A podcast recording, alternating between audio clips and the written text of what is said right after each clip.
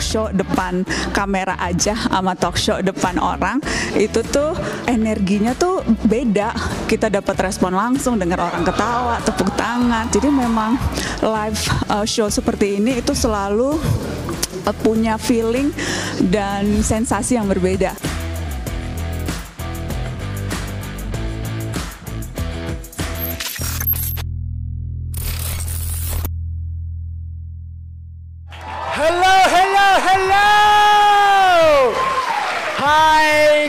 Semua tetangga-tetangga gue uh, yang gue sayangin dan gue cintain uh, kembali lagi di Daniel tetangga kamu live on stage. Ini beneran sebuah kehormatan banget karena kalian ini by the way new faces. Jadi kalau boleh kalau misalnya ini boleh berkenalan lagi ngelihat ke kiri dan ke kanan, kenalan sama tetangga-tetangganya, ke belakang atau ke depan gitu kan. Uh, tanya nama, ya tanya uh, kerjanya di mana gitu. Abis itu kalau misalnya single ngomong dengan saya single gitu kan. Ya boleh juga gak apa-apa. Gak apa-apa siapa tahu aja. Gue berharap banget gara-gara uh, nanti ada suatu saat ada yang nikah. Wah kita sama-sama ketemunya di Daniel Tetangga live on stage gitu kan. Ya kan. Ah gitu. Anyway, um, gue banyak banget dengar dari teman-teman juga yang telah hadir juga. Itu the the show just then was bukan cuma entertaining tapi banyak value yang kita dapetin juga. Langsung aja tanpa berlama-lama lagi tetangga kita ini dia Najwa Shihab.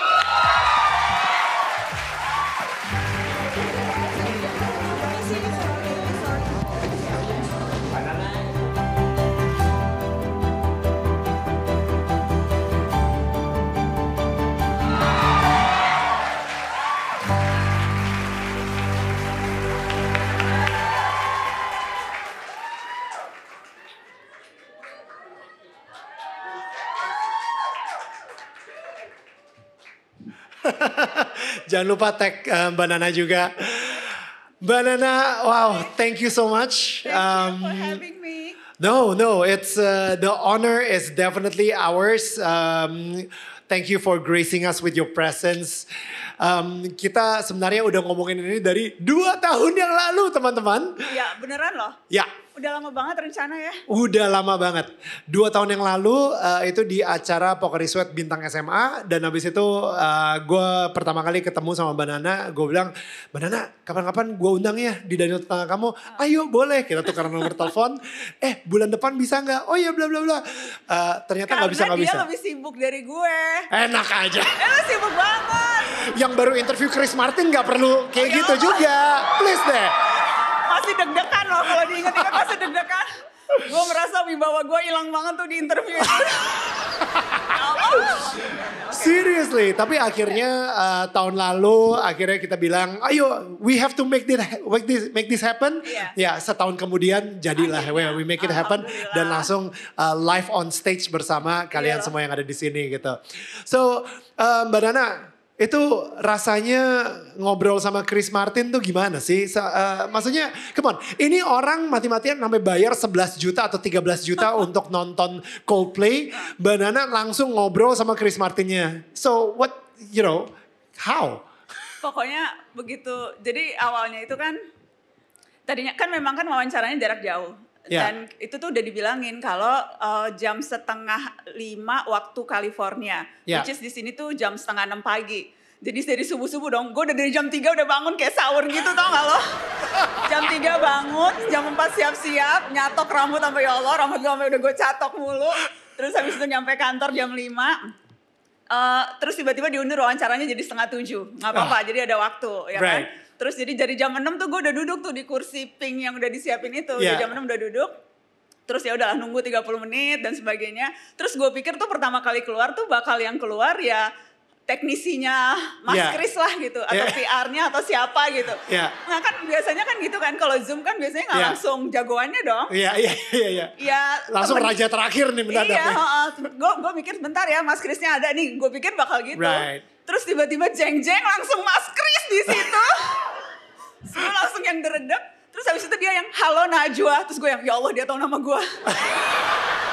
Chris Martin tahu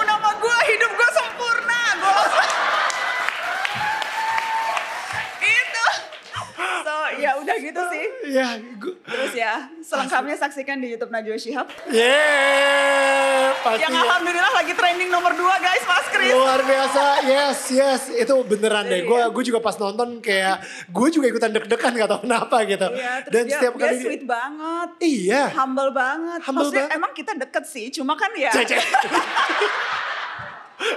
Tapi tapi gue kocak banget tau gak sih jadi biasalah media-media online kan suka judulnya kan yang clickbait gitu kan. Ya. Terus tiba-tiba tadi gue dikirimin sama temen gue ada yang judul tidak disangka Chris Martin dan Najwa Shihab ternyata dekat. Inilah faktanya gitu. Jadi udah yang kayak udah Mbak Dakota minggir ya Mbak Najwa is here Cece, gitu. cece.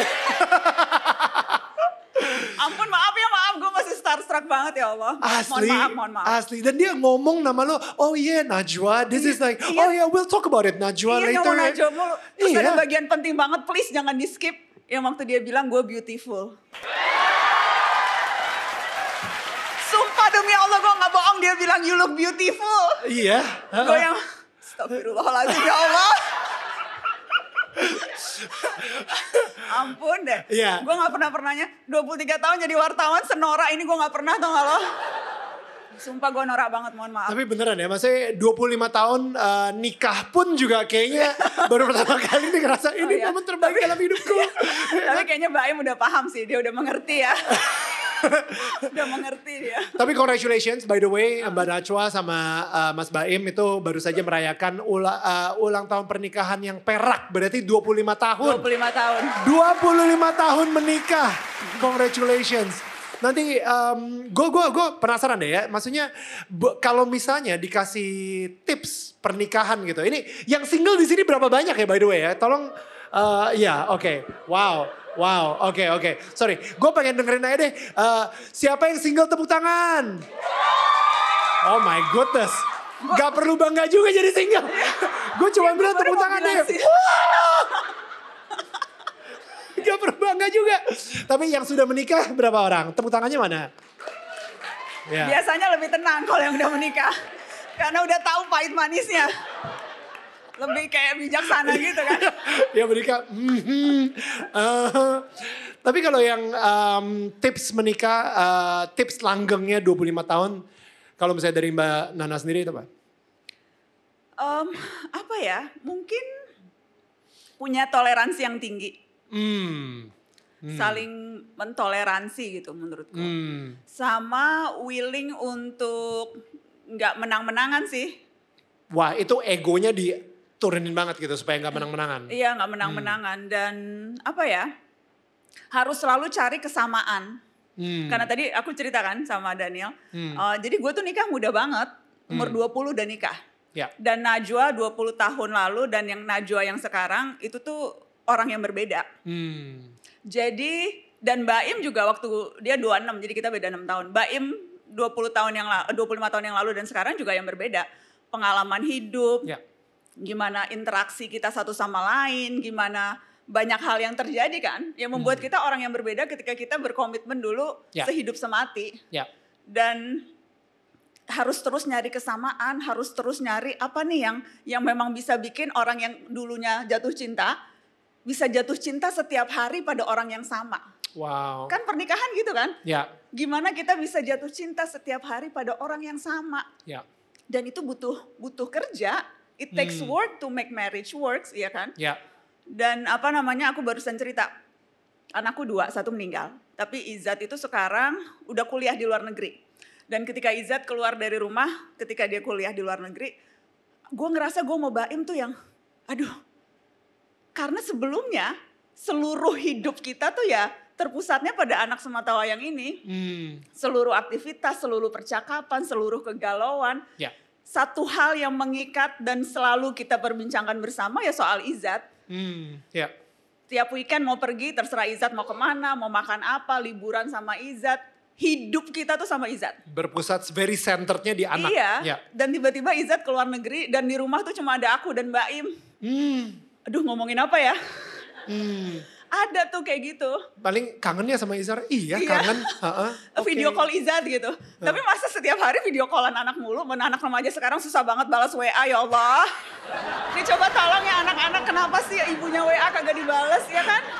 suka gitu anak remaja. Tapi ya gitu, jadi harus kerja menemukan lagi apa yang sama, gimana supaya nyambung, liburan bareng. Right. Dan itu kan butuh butuh effort ya. Ya. Butuh effort untuk Betul. untuk kayak gitu. Makanya ada term fight for your marriage. Karena kalau misalnya kita benar-benar berjuang untuk pernikahan kita, perjuangan itu nggak cuma sekedar ya udahlah nanti juga bakal beres sendiri. No no no no, lu benar-benar harus berjuang gitu sebagai pejuang. Dua-duanya dari suami dan dari istri juga Iya. berjuang untuk pernikahan dan uh, berjuangnya dengan cara apa? Mungkin dengan uh, ada date night setiap minggu, Iya. uh, mencari hobi bersama-sama sehingga Iya. nanti ketika uh, anaknya keluar dari rumah minimal masih bisa mempunyai passion di hobi Iya. tersebut gitu. Dan sesederhana text conversation yang nggak melulu teknis soal rumah, nggak melulu jangan lupa itu rentokil mau datang untuk semprot rayap gitu, bukan cuma bukan cuma itu percakapannya, tapi ya you make Cuman gue sama Viola aja ternyata di situ juga. Iya suka banyak rayap kan ya. iya, Tapi, kesel tapi banget. maksudnya jangan sampai percakapannya itu tuh betul-betul cuma urusan-urusan yang Betul. udah bayar belum tuh satpam atau apa gitu Ya. tau kan? Karena dan harus harus usaha. Jadi kalau misalnya ngelihat ada yang seru di Instagram atau ada yang Ya. seru di TikTok, eh, ya kita kirim gitu di Ya. DM atau ini biar dia nonton juga atau apa Ya. tahu kan hal-hal Ya. yang biasa kita lakukan dengan teman. Kita kan kalau sama teman kan kalau ada yang lucu-lucu kita kirimnya ke teman gitu. Ya. Tapi enggak ini kirim ke istri, kirim ke suami lo. Wow, Jadi good. conversationsnya tuh ya yang memang menyenangkan gitu. That's Dan itu good. kan it takes time ya. Kadang kan kita orang yang paling dekat dengan kita tuh terkadang yang paling kita sisihkan kan.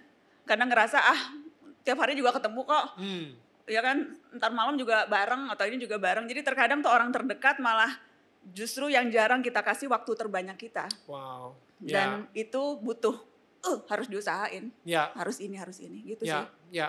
Dan em, kalau misalnya dari dari ketika Izar, Izar bentar lagi bakal lulus by the way ya. Yes, insya Allah. Eh, Bulan Bulan Juli ini. bulan Juli, dua bulan lagi dia udah Dua lulus lagi. S1 politik. S1 politik. ha. Come on, come on, come on. Iya, masih denial gitu ibunya, masih Iya. masih denial udah punya anak bujang. Iya. denial banget gue. Dia mau lanjut ke S2 atau eh, mau Eh, mungkin balik biar ke Jakarta? kerja dulu ya. Karena pengalaman gue sih nggak tahu nih ya kalau yang lain pengalaman gue sih kalau lu S2 lu udah kerja eh, jauh jadi jauh lebih matang aja sih ngerasanya. Jadi Hmm. jauh lebih fokus ngambil S2-nya, jadi udah tahu gimana dunia kerja, jadi Hmm. lebih nggak tahu ya. Jadi ilmu lu tuh betul-betul ilmu yang lu dapet dan lu perkaya dengan pengalaman hidup, bukan Ya. cuma pengalaman bersekolah saja gitu. Jadi gue Wow. mau Izat cari kerja dulu nanti S2-nya eh, setelah, bekerja, itu, setelah, mencari bekerja. pengalaman hidup. Hmm. Um, balik lagi ke pernikahan, uh, di mana um, di pernikahan itu emang kita berharapnya selalu naik, naik, naik, naik, naik. Tapi ada momen-momen yang justru bisa menghancurkan pernikahan tersebut. Hmm. Mungkin ketika uh, you know anak kedua uh, Namia. Namia itu meninggal uh, dalam waktu uh, berapa berapa minggu? Dia eh, Mamiya tuh hidup 4 jam. Empat jam. Empat jam. hmm. Oke, sorry kalau saya boleh tahu itu kejadiannya 8 tahun yang lalu. Ya. Berarti sebenarnya jarak antara Izar dan Namia, anak pertama dan kedua itu cukup jauh ya. Lama. Berapa tahun ya? 10 tahun ya. So, saya penasaran sih kenapa kenapa jaraknya 10 tahun. Uh, did you guys try uh, untuk nyoba terus atau emang gak didapat aja dan akhirnya yang kedua ini gak direncanain cuman dapat gitu? Oh, jaraknya jauh karena usaha banget dulu. Jadi enggak sih. Jadi waktu Izat lahir terus memang sempat KB karena nggak mau langsung cepet-cepet. Tapi Oke. terus gitu- ketika buka KB, jadi KB sempat KB 2 tahun. Mhm. Tapi ketika buka KB PD dipikir akan langsung hamil Gampang gitu. gitu. Uh, uh, tapi terus ternyata ya 8 tahun berikutnya baru bisa hamil. Baru 8 tahun. Mhm, Oke. 8 tahun berikutnya dan itu usaha. Belum sempat bayi tabung, cuma udah sempat usaha yang lain-lain dan Hmm. eh, terakhir itu mau sempat coba bayi tabung kalau memang belum hamil. Eh terus ternyata hamil Namia. Hmm. Oke. Jadi setelah setelah jadi memang jaraknya 10 tahun. Oke, Mm-mm. dan em, waktu nggak bisa punya anak pun, misalnya kayak saat itu ya pas di 8 tahun itu, how was that marriage? Em,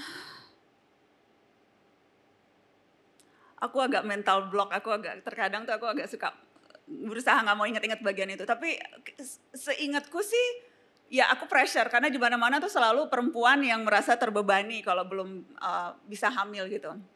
Perempuan yang terbebani kalau misalnya anak anak yang dilahirkannya nggak sesuai atau keinginan uh, orang gitu atau Yeah. padahal kan sebetulnya jenis kelamin itu ditentukan sperma ayah loh guys. Yeah. Jadi bukan ya kan. Yeah. Jadi kadang kalau perempuan suka disalahin kalau kenapa anaknya perempuan mulu itu tuh karena bapaknya bukan karena ibunya tapi itu topik yang lain lagi. Yeah. Tapi yang gue mau bilang adalah yang mau gue bilang adalah dulu tuh memang sempat ada beban terus habis itu karena gue juga kerja selalu ada stigma sibuk banget sih gimana mau Right. hamil capek melulu gitu Right. jadi jadi jadi ada tuh masa-masa di mana ya merasa bersalah jangan-jangan memang karena uh, Yeah. gue nggak put that much effort nih makanya nggak bisa hamil gitu Hmm. dan kemudian perasaan bersalah itu menjadi bertambah banget ketika kemudian akhirnya hamil dan uh, hamilnya tuh berat banget Hmm. hamil naminya tuh berat eh, karena em, air ketubanku tuh bocor Nil Di bulan keberapa? di bulan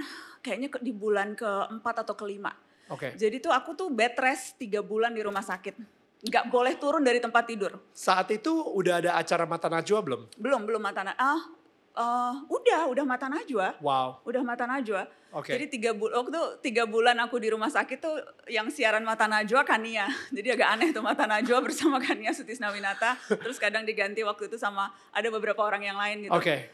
Tapi iya jadi tiga bulan eh, di RSPI. Kebayang gak sih yang biasanya sibuk luar biasa. Ini tuh di tempat tidur, sampai buang Ya. air besar, buang air kecil tuh juga dilayanin sama suster. Oh my goodness. Karena setiap kali gerak itu air ketubannya bocor. What? Dan seminggu sekali tuh ada prosedur tindakan rumah sakit eh, yang harus ngisi air ketuban. Jadi tuh ada kayak jarum yang panjang dan tipis dan dokter akan nyuntikin di pelan-pelan supaya nggak kena janinnya di sini disuntikin untuk ngisi air untuk make sure karena seberapa pun gue berusaha nggak gerak ya pasti keluar bocor air ketubannya.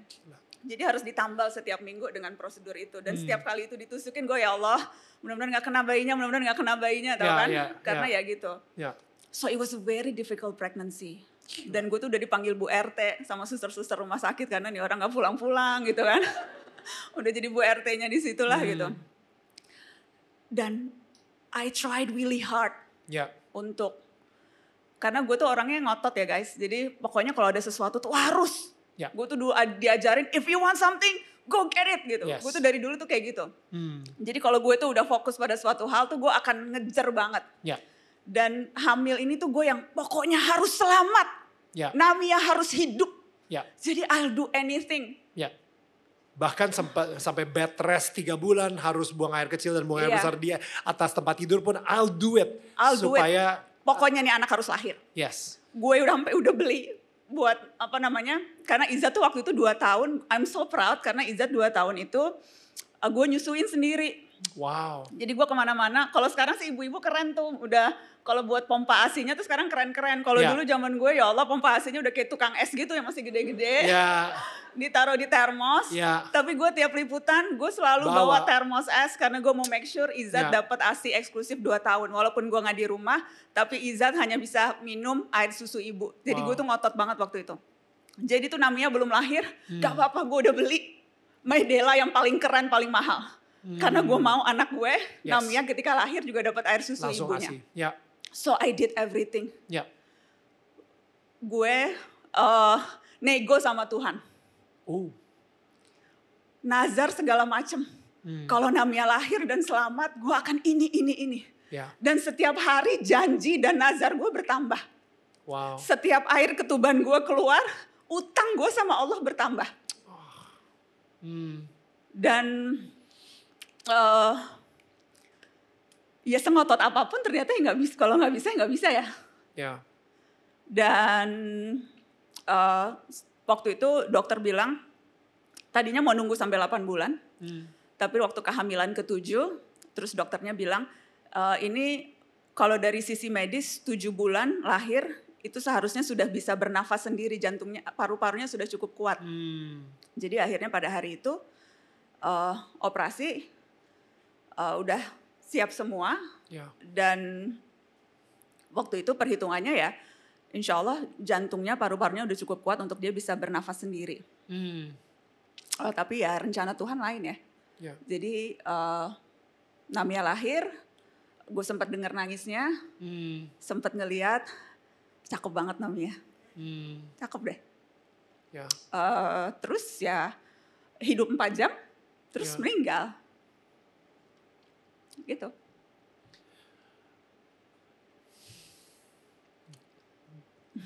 gue gue sendiri juga ngerasa kayak it, it's as if it was just yesterday lo ceritain ini gitu maksudnya Gue gue tuh jarang banget cerita ini sebetulnya. hmm, Karena kan orang bilang suruh ikhlas ikhlas gitu ya. ya Dan dan gue juga selalu bilang maksudnya ikhlas itu susah banget. Gampang banget dibilang udah ikhlas. ya Tapi kalau mau jujur sampai sekarang tuh ya nggak ikhlas-ikhlas banget sih. ya ya Dan gue kayak ngerasa berdosa karena ya Allah udah udah segini, udah ini ini gitu. Kok masa belum ikhlas tuh gue jadi kayak ngerasa, ya tahu kan? ya kayak Gitu. nggak tahu diri sama Iya. Tuhan gitu Oh, oh, dan Hmm. terus maksudnya kalau dan gue kalau cerita gini tuh gue takut dibilang manja karena ya kayak misalnya waktu Ridwan Kamil kehilangan anaknya Eril gitu ya. Hmm, sama Teh Atalia kan gue juga sempat ngobrol sama mereka. Ya. Dan gue ngebayangin itu rasa pedihnya tentu berkali-kali lipat. Karena Ya. Eril udah hidupnya remaja. pengalaman hidup bersama orang tuanya tuh udah 23 24 tahun gitu. Dan Ya. kepergiannya kan begitu tragis ya.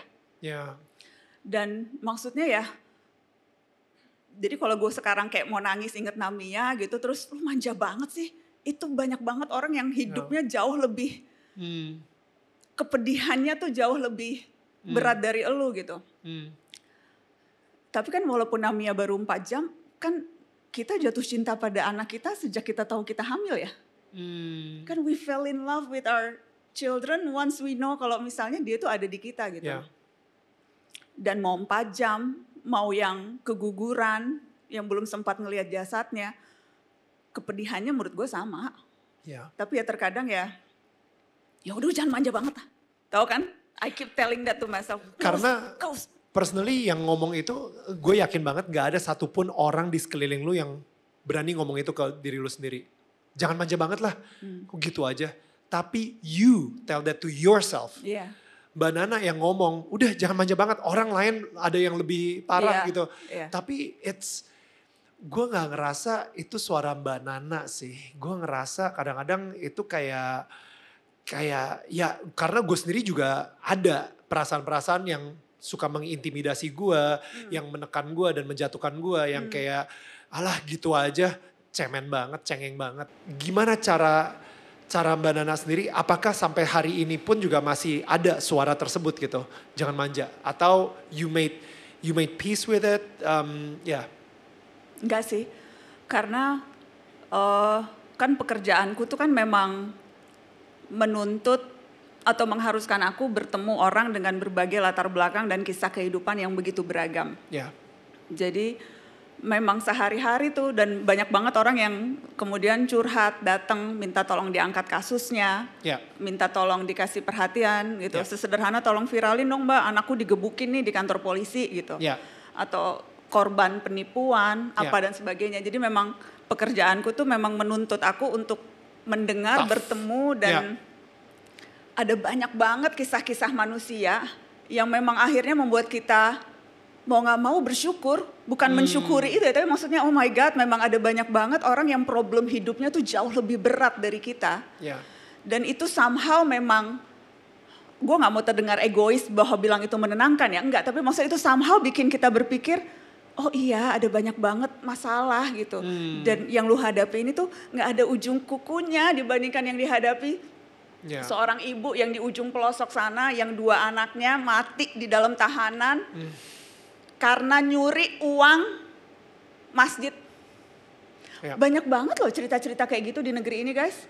I don't wanna ini ya, maksudnya kalau ada Ya. banyak banget korban ketidakadilan yang digaplok aparat, korban yang tanahnya di di apa namanya Diambil, dijarah dan ya. sebagainya. Real kisah-kisah seperti itu. Betul, betul. Dan buat aku itu agak sedikit lebih dekat karena korbannya datang langsung, korbannya Ya. ngadu, korbannya minta dibantu, korbannya DM, korbannya Ya. nungguin aku di depan pintu narasi, korbannya Wow. nangis-nangis, tahu kan?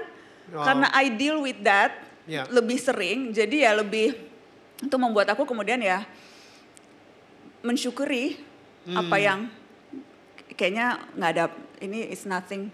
Ada banyak banget yang jauh lebih jauh lebih berat hidupnya gitu sih. Soalnya bahayanya em, ya itu ya, ketika kita udah mulai ngomong seperti itu ke diri kita sendiri, yang ada ketika kita misalnya anak kita atau suami kita em, malah kita juga ngomongin ah gitu aja manja banget. Iya. Lihat nih yang ini ada yang lebih parah lagi dan lain-lain. Iya, iya. Nah, ngomongin soal Mas Baim, em, suami Mbak Nana, ketika kita udah denger cerita dari Mbak Nana dan bahkan di beberapa podcast juga udah banyak. Tapi kita nggak pernah denger ceritanya Mas Baim ketika harus kehilangan Namia selama 4 jam gitu. Em, cuman 4 jam mungkin beliau yang yang ngelihat juga gitu eh, saat itu. How and how bagaimana kalian bisa bertahan dari 8 tahun yang lalu sampai hari ini merayakan ulang tahun pernikahan 20 ke 25. Karena that I don't know ya. em, kalau misalnya itu, aduh amit-amit gitu. Tapi maksudnya saya sama Viola untungnya belum dan mudah-mudahan nggak akan pernah nge- ngelewatin hal seberat itu gitu. How was that with uh, with your own marriage? Em, jujur memang dia yang menguatkan sih. Oke, Iya, mungkin ya karena waktu itu ngelihat gue yang udah eh, ada satu poin di mana gue takut nggak bisa berhenti nangis. Gue tuh Wow. gimana ini nggak bisa berhenti? Tahu kan kalau ketika nangis tuh berhenti takut nggak nangis. bisa berhenti gitu. wow. Jadi ada tuh momen-momen momen-momen itu. Em, tapi ya memang dia yang menguatkan sih. Dan kemudian kan masih ada Izat juga. Again Yeah. masih ada Izat gitu. Dan Izat juga yang lagi nunggu-nunggu banget adik perempuan gitu. Jadi ya Baim dan Izat sih. Dan mungkin kadang ngelihat aku juga. Yeah. Ngelihat aku kayaknya berusaha ngejaga perasaan gitu Yeah, kan. Nih the yeah. boys trying to protect uh, Wow. apa namanya mom, mamnya gitu. Jadi tapi sesungguhnya kalau sekarang diinget-inget tuh aku agak blur sih. Kayaknya masa-masa itu tuh I don't know, aku agak I'm trying to ya agak agak blur sih masa-masa itu buat aku. Jadi dua poin sih sebenarnya yang pengen saya tanyain. Pertama, gimana akhirnya bisa berdamai dengan diri sendiri, um, forgiving yourself uh, with with that um, incident. Sama yang kedua, bagaimana berdamai dengan Tuhan. Karena kita seperti udah ngelakuin apa aja, kita bernazar, kita udah deal-dealang, kita ber- ber- in a way kasar ya, kita berusaha nyogok Tuhan pun juga tetap aja ya Tuhan malah mengambil Namia gitu. Jadi bagaimana uh, akhirnya bisa berdamai dengan Tuhan? Yang pertama dengan diri sendiri deh, dengan Mbak Nana. Um, Healingnya seperti apa? Typical working woman healingnya kerja. Wow, ya. kerja dan Ya. sejak itu kayaknya mata Najwa take off-nya tuh sejak itu deh karena I put every energy in in my work gitu ya. Wow, Um, so ya itu. Oke. Terus pada waktu itu tuh juga aku uh, secara struktural di Metro TV uh, aku jadi wakil pemimpin redaksi. Jadi kerjaannya jadi tambah banyak banget juga gitu ya Ya. karena ngurusin dohor redaksi. Terus waktu itu pemilu jadi ngurusin pemilu apa dan sebagainya. Jadi oke. uh, ya Itu gitu. healingnya It- kerja. Ya. which is sebetulnya mungkin nggak disarankan ya. Tapi itu opsi yang ada saat itu adalah mencurahkan energi di kerja. Sama aku jadi jauh lebih cautious terhadap uh, kesehatan. Hmm, Itu pertama kali aku jadi punya membership gym tuh ketika itu. Hmm, Niatannya waktu itu untuk uh, pertama niatannya tuh sesederhana mau kurus gitu. Ya. Karena uh, kalau lu gemuk setelah melahirkan tapi ada anak tuh nggak apa-apa. Kalau gemuknya buat anak gitu kan. Lu nyusuin ya memang lu harus gemuk untuk nyusuin. Ini udah anaknya meninggal lu masih jadi tahu kan jadi itu energi itu aku curahkan juga to get back in shape gitu. Aku Right. olahraga, aku ke gym, aku ini. Right. Em, sama ya itu terus menerus yang sampai sekarang aku lakukan tuh belajar tawakal, belajar artinya apa tuh? Tawakal itu kata Abi itu dari kata wakilu dan yakilu, mewakilkan, Oke. diwakilkan. Jadi kalau kita tawakal itu kita menyerahkan urusan kita minta diwakilkan kepada Tuhan. Oke, Eh, tapi kata Abi bedanya kalau minta perwakilan manusia sama perwakilan Tuhan, perwakilan manusia tuh kita biasanya ya udah terserah lu deh wakilnya lu melakukan apa pun gitu udah udah gua wakilin you do what Yeah. you have to do gitu. Yeah. Tapi kalau kita minta urusan kita diwakili oleh Tuhan, it doesn't work terserah Tuhan, maksudnya we, we have to put the effort juga ya, harus ada effortnya And then to some extent kita serahkan ke Tuhan biar Tuhan yang mewakili urusan-urusan kita. Wow, oke. Jadi jadi that's what I'm trying to do gitu Ya. maksudnya. Um, Tapi untuk- kalau untuk bisa sampai ada di tahap itu harus bisa berdamai dulu dengan Tuhan kan. Uh, Iya. Pernah gak sih Mbak Nana kayak mm, uh, marah sama Tuhan um, dan bagaimana akhirnya kalau misalnya pernah bagaimana akhirnya bisa berdamai dengan Tuhan? Um, Abi selalu ngulang-ngulang ini dari dulu. Um, sebetulnya dan Abi juga bilang kita tuh sering kali berprasangka buruk pada Tuhan. Hmm, Dan itu dosa pertama manusia. Katanya dosa pertama Adam tuh sehingga Ya. kemudian akhirnya ia turun ke bumi itu karena dia berprasangka buruk pada Tuhan. wow. Padahal Tuhan itu maha baik, maha mencintai umatnya Ya. dan selalu mau menerima cinta umatnya. Hmm, Jadi prasangka baik sama Tuhan gitu. hmm, Jadi ketika ada sesuatu yang rasanya nggak sesuai keinginan kita, kalau kita suuzon nih berprasangka buruk sama Tuhan, kita selalu merasa memang ini karena kita berdosa, kita dihukum. ya. Karena mungkin kebanyakan nonton film sinetron-sinetron yang azab dalam kubur itu loh, tahu kan? Gue suka prihatin banget tuh. Karena di situ tuh digambarkan Tuhan tuh jahat banget kalau manusia berdosa, kubur lu akan diobrak-abrik, Ya. akan tahu kan akan ada petir akan terbuat terbalik gitu gitu, kan, ya kan? bangun lagi. Ya. Jadi nih pola pikir kita tuh seolah-olah Tuhan tuh jahat. ya. Padahal Tuhan tuh rahmat, penuh kasih. Jadi Hmm. apa pun yang terjadi pada kita, kalau kita berprasangka baik sama Tuhan, Ya. yang tadi urusan-urusan kita kita serahkan pada Tuhan. Ya. Uh, Abi juga pernah bilang tuh kalau kita ingin kembali ke Tuhan, itu diibaratkan kita berjalan. Ketika kita berjalan pada Tuhan, Tuhan akan berlari menghampiri kita. Oh, ya. Jadi seberapapun usaha kita dekat pada Tuhan, Tuhan akan melebihi itu untuk dekat ke kita. Hmm, Kita baru melangkah, Tuhan seneng banget lihat ada orang mau dekat ke dia, dia lari nyambut kita. wow. Ya. Itu tuh analogi-analogi yang selalu diberikan ke Abi, Ya. diberikan Abi ke aku gitu. Ya. Yang lebih gampang diomongin ya guys, I know. Ya. Tetapi pemahaman itu tuh bikin jadi apa ya? Merasa secure gitu. Tahu kan? Kan salah satu hal yang kerap kali bikin kita deg-degan kan kita kayak nggak secure ya. Ya. Takut, khawatir gitu. Ya. Jadi kalau ada perasaan secure, tahu kalau ya yang ngebelain kita yang di atas gitu ya. Ya. Itu tuh it makes a whole lot of difference sih. Setiap kali kita berada di persimpangan mau ngambil keputusan, mengambil langkah, ngambil apa pun itu gitu ya. Kalau kita percaya gitu ya, Ya. bahwa ketika kita jatuh sedikit yang akan ngangkat kita yang di atas, itu it makes a whole lot of difference. Ya. Itu sih. And I think um, itu dia kenapa kita sebagai orang yang percaya sama Tuhan, kita juga percaya sama adanya surga dan neraka. Um, ini ngomongnya agak susah sih, tapi uh, saya pernah baca buku judulnya Heaven is Real. Nah, dia tentang seorang anak kecil, dia itu kayaknya koma, tapi nggak sempat mati, koma.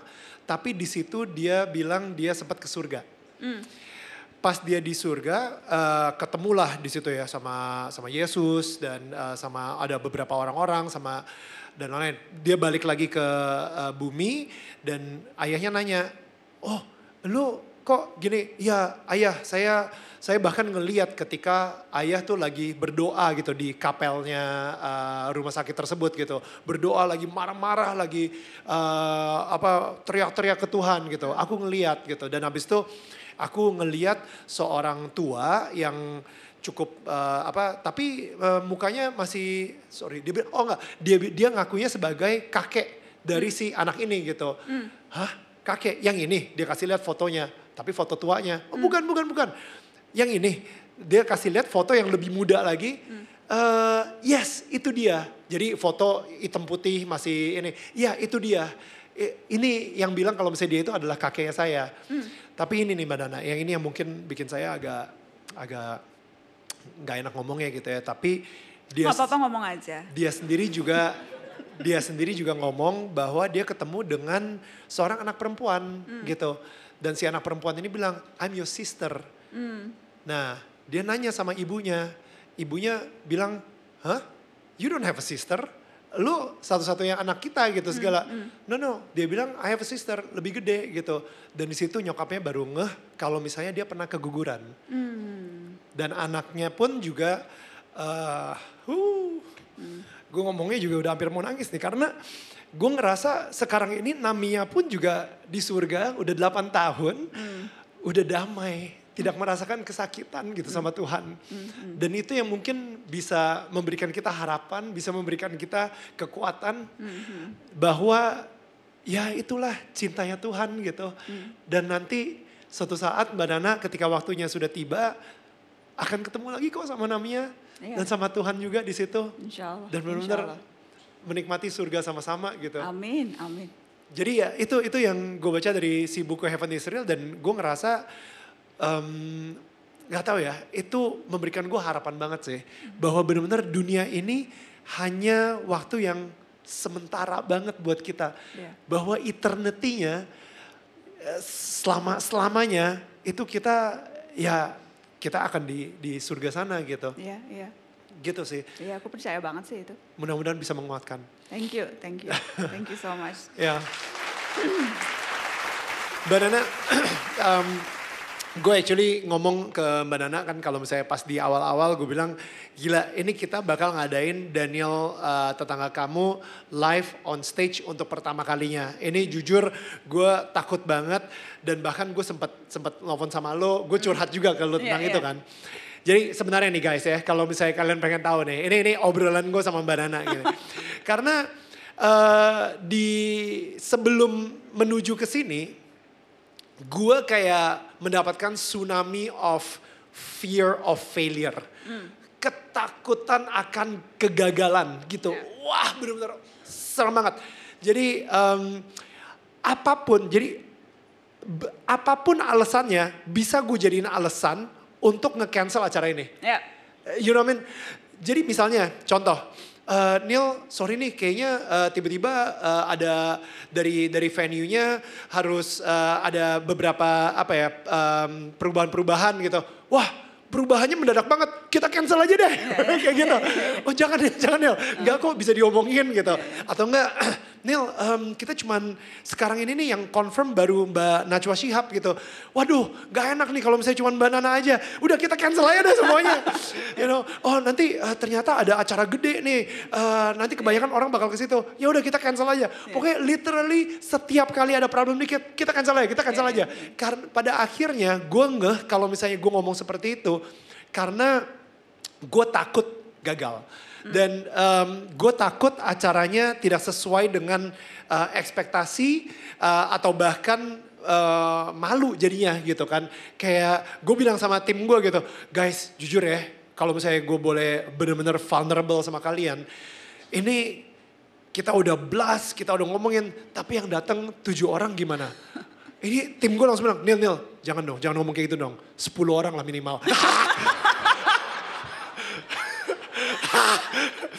Tapi dia dia bilang gak lah Neil, bisa lah, bisa lah. It's okay kok, it's okay kok gitu. Sampai kemarin dia bilang gitu, Neil tuh kan sold out.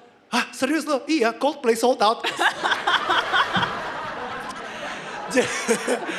jadi jadi that fear of failure is real. Tapi gue benar-benar bersyukur banget kita ada 200 ternyata yang datang dan ini melebihi penuh ekspektasi gue. Penuh banget. Right, melebihi ekspektasi gue dari cuma 7 atau 10 orang. tapi beneran kayak kalian semua, setiap dari kalian itu benar-benar menurut gue uh, it's a blessing. Benar-benar berkah dan uh, muzizat dari Tuhan yang nyata banget dan datang uh, sampai di sini dan menuhin ruangan ini gitu. Ini benar-benar kayak gue bersyukur banget akan kalian di sini. Thank you banget guys.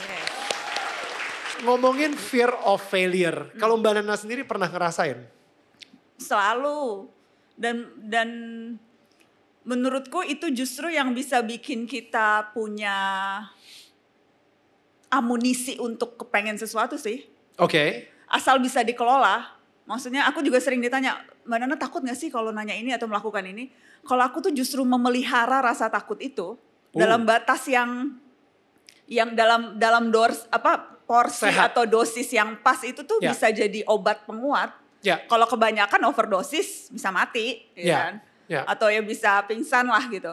Tapi maksudnya rasa takut, rasa was-was, rasa cemas, as long as itu masih dalam dosis yang pas dan bisa kita salurkan, menurut gue itu bisa, Hmm. ya itu bisa jadi pendorong kita untuk mau melakukan sesuatu gitu. Hmm, hmm. Menurut gue itu, Eh, karena gue inget banget waktu banyak banget tuh momen-momen atau kayak tonggak-tonggak kalau kita bicara karir ya dalam karir gue itu yang memang em, bikin takut dan kemudian mikir gitu. Oke, Misalnya kayak mata najwa oke. pertama kali diminta bikin mata najwa tuh gue nolak mulu nyari-nyari alasan oh belum gitu oh nanti deh mau sekolah lagi belum S2 belum PD gitu Hmm. terus akhirnya udah S2 berangkat gitu ya setahun pas pulang Ditawarin udah, lagi tuh. "Uh-uh," dan udah nggak ada alasan lagi nih buat bisa nolak gitu kan tapi sejujurnya waktu itu nolak punya program sendiri karena takut gagal Hmm. karena waktu itu tuh se- sebelum Mata Najwa tuh gue udah jadi anchor salah satu anchor yang paling senior di Metro. Udah pegang program prime time gitu Ya. ya.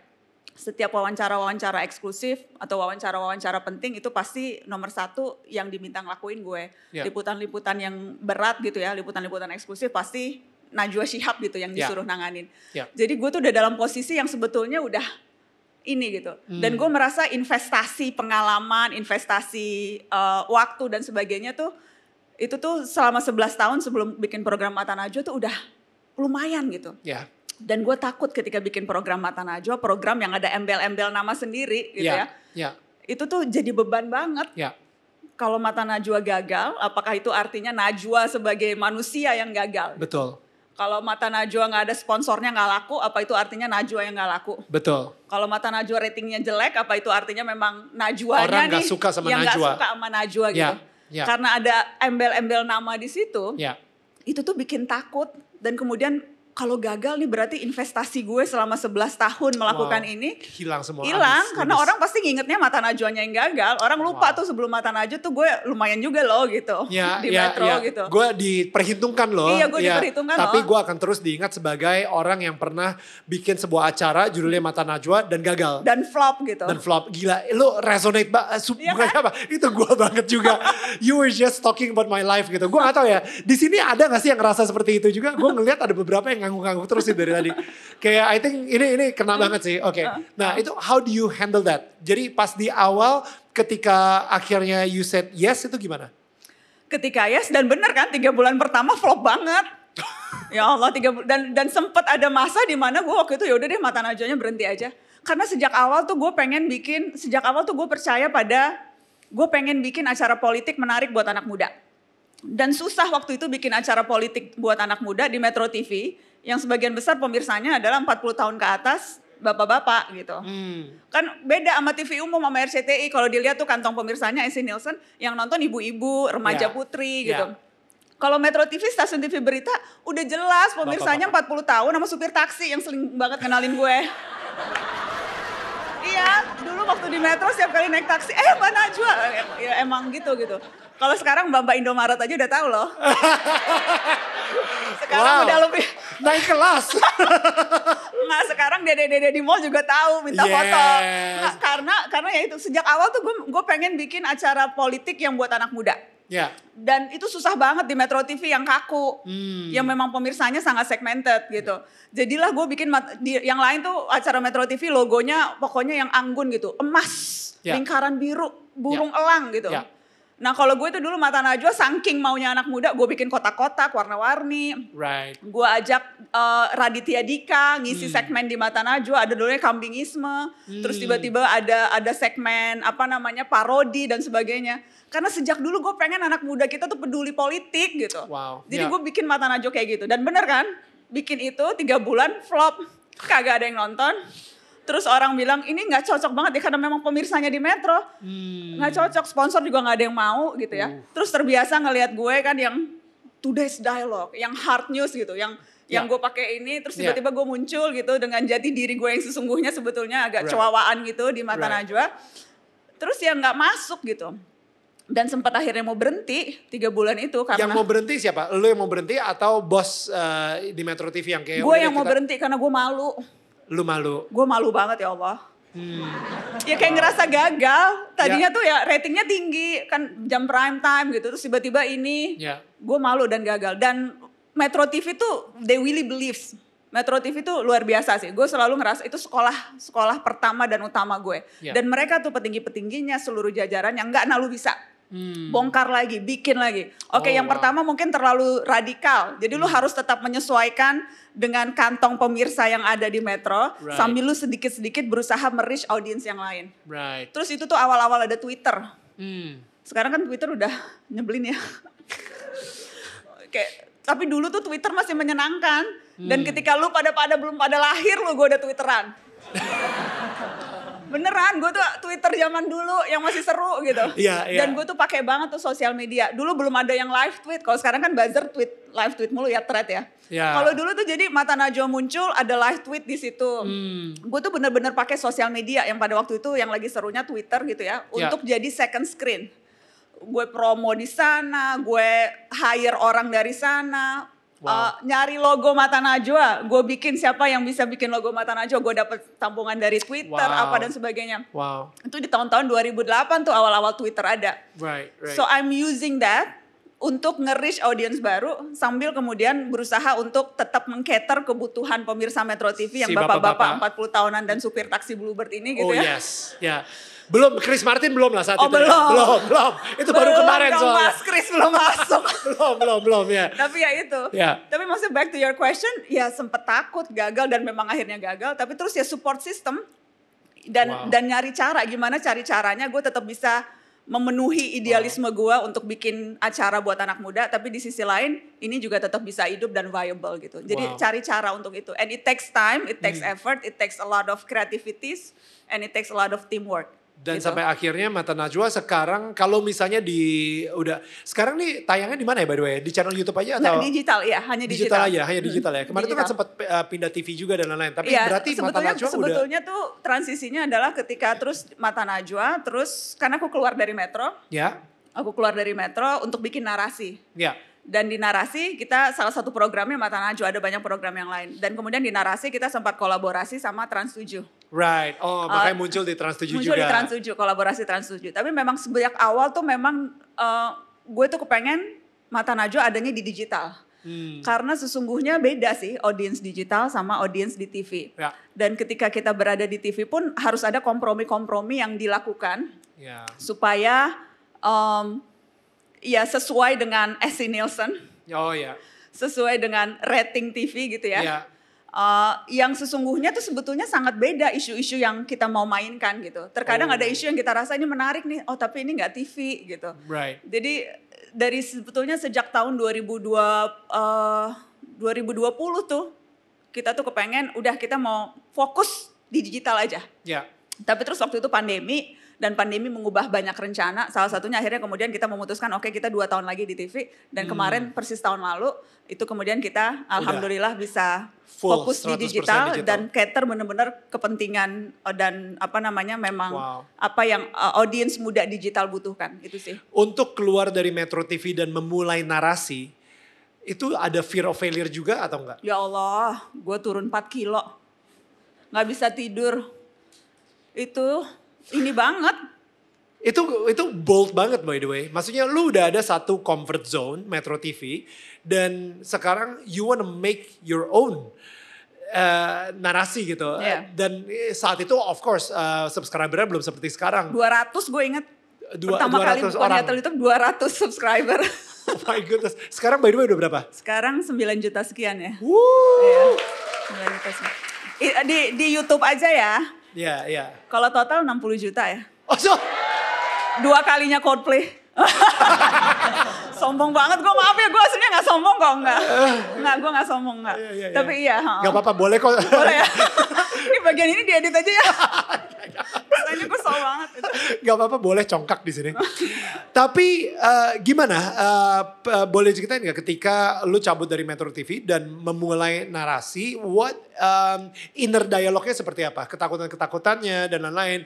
Um, misalnya, ini kan Metro tuh udah jelas, lu udah gue gak tahu sistem kerjasama gimana, apakah digaji atau di mata Najwa sendiri lu dapat royalty dari whatever bla bla bla. Cuman ini sepertinya udah comfort zone Banget kan. comfort zone banget. Udah merem 50 tahun lagi juga udah aman gitu. And yet lu ngambil sebuah resiko besar dan memulai narasi. Iya. What uh, and that's and it's crazy. Tapi emang hanya orang-orang yang berinovasi and what I call innovators ya would would be bold enough to do this gitu. Karena nggak semua orang berani berinovasi. Iya dan memang waktu itu banyak banget pertimbangan dan seperti biasa kan kalau kita keluar dari pekerjaan atau memulai sesuatu yang baru itu ada faktor penarik, ada faktor pendorong kan. Terkadang faktor penariknya ada, faktor pendorongnya belum ada. Dan pada saat itu di Metro kok dua-dua momen itu ketika gue memutuskan untuk bikin perusahaan sendiri itu baik faktor penarik dan pendorong tuh dua-duanya ketemu dan kemudian akhirnya itu yang membuat langkah semi mantap. Kalau ditanya kapan mantapnya sesungguhnya nggak pernah mantep-mantep banget sih ketika ngambil Right. keputusan itu selalu ada eh, deg-degannya gitu. Eh, ya karena waktu itu tuh Mata Najwa udah yang ratingnya paling tinggi, yang sponsornya paling banyak, yang em, ya pokoknya udah udah nyaman banget lah waktu itu di situ. Hmm. Tapi terus waktu itu gue ngeliat faktor penariknya tuh waktu itu adalah ya ampun ini dunia tuh berubah cepet banget dan semua orang tuh dapat informasinya dari sini. Ya.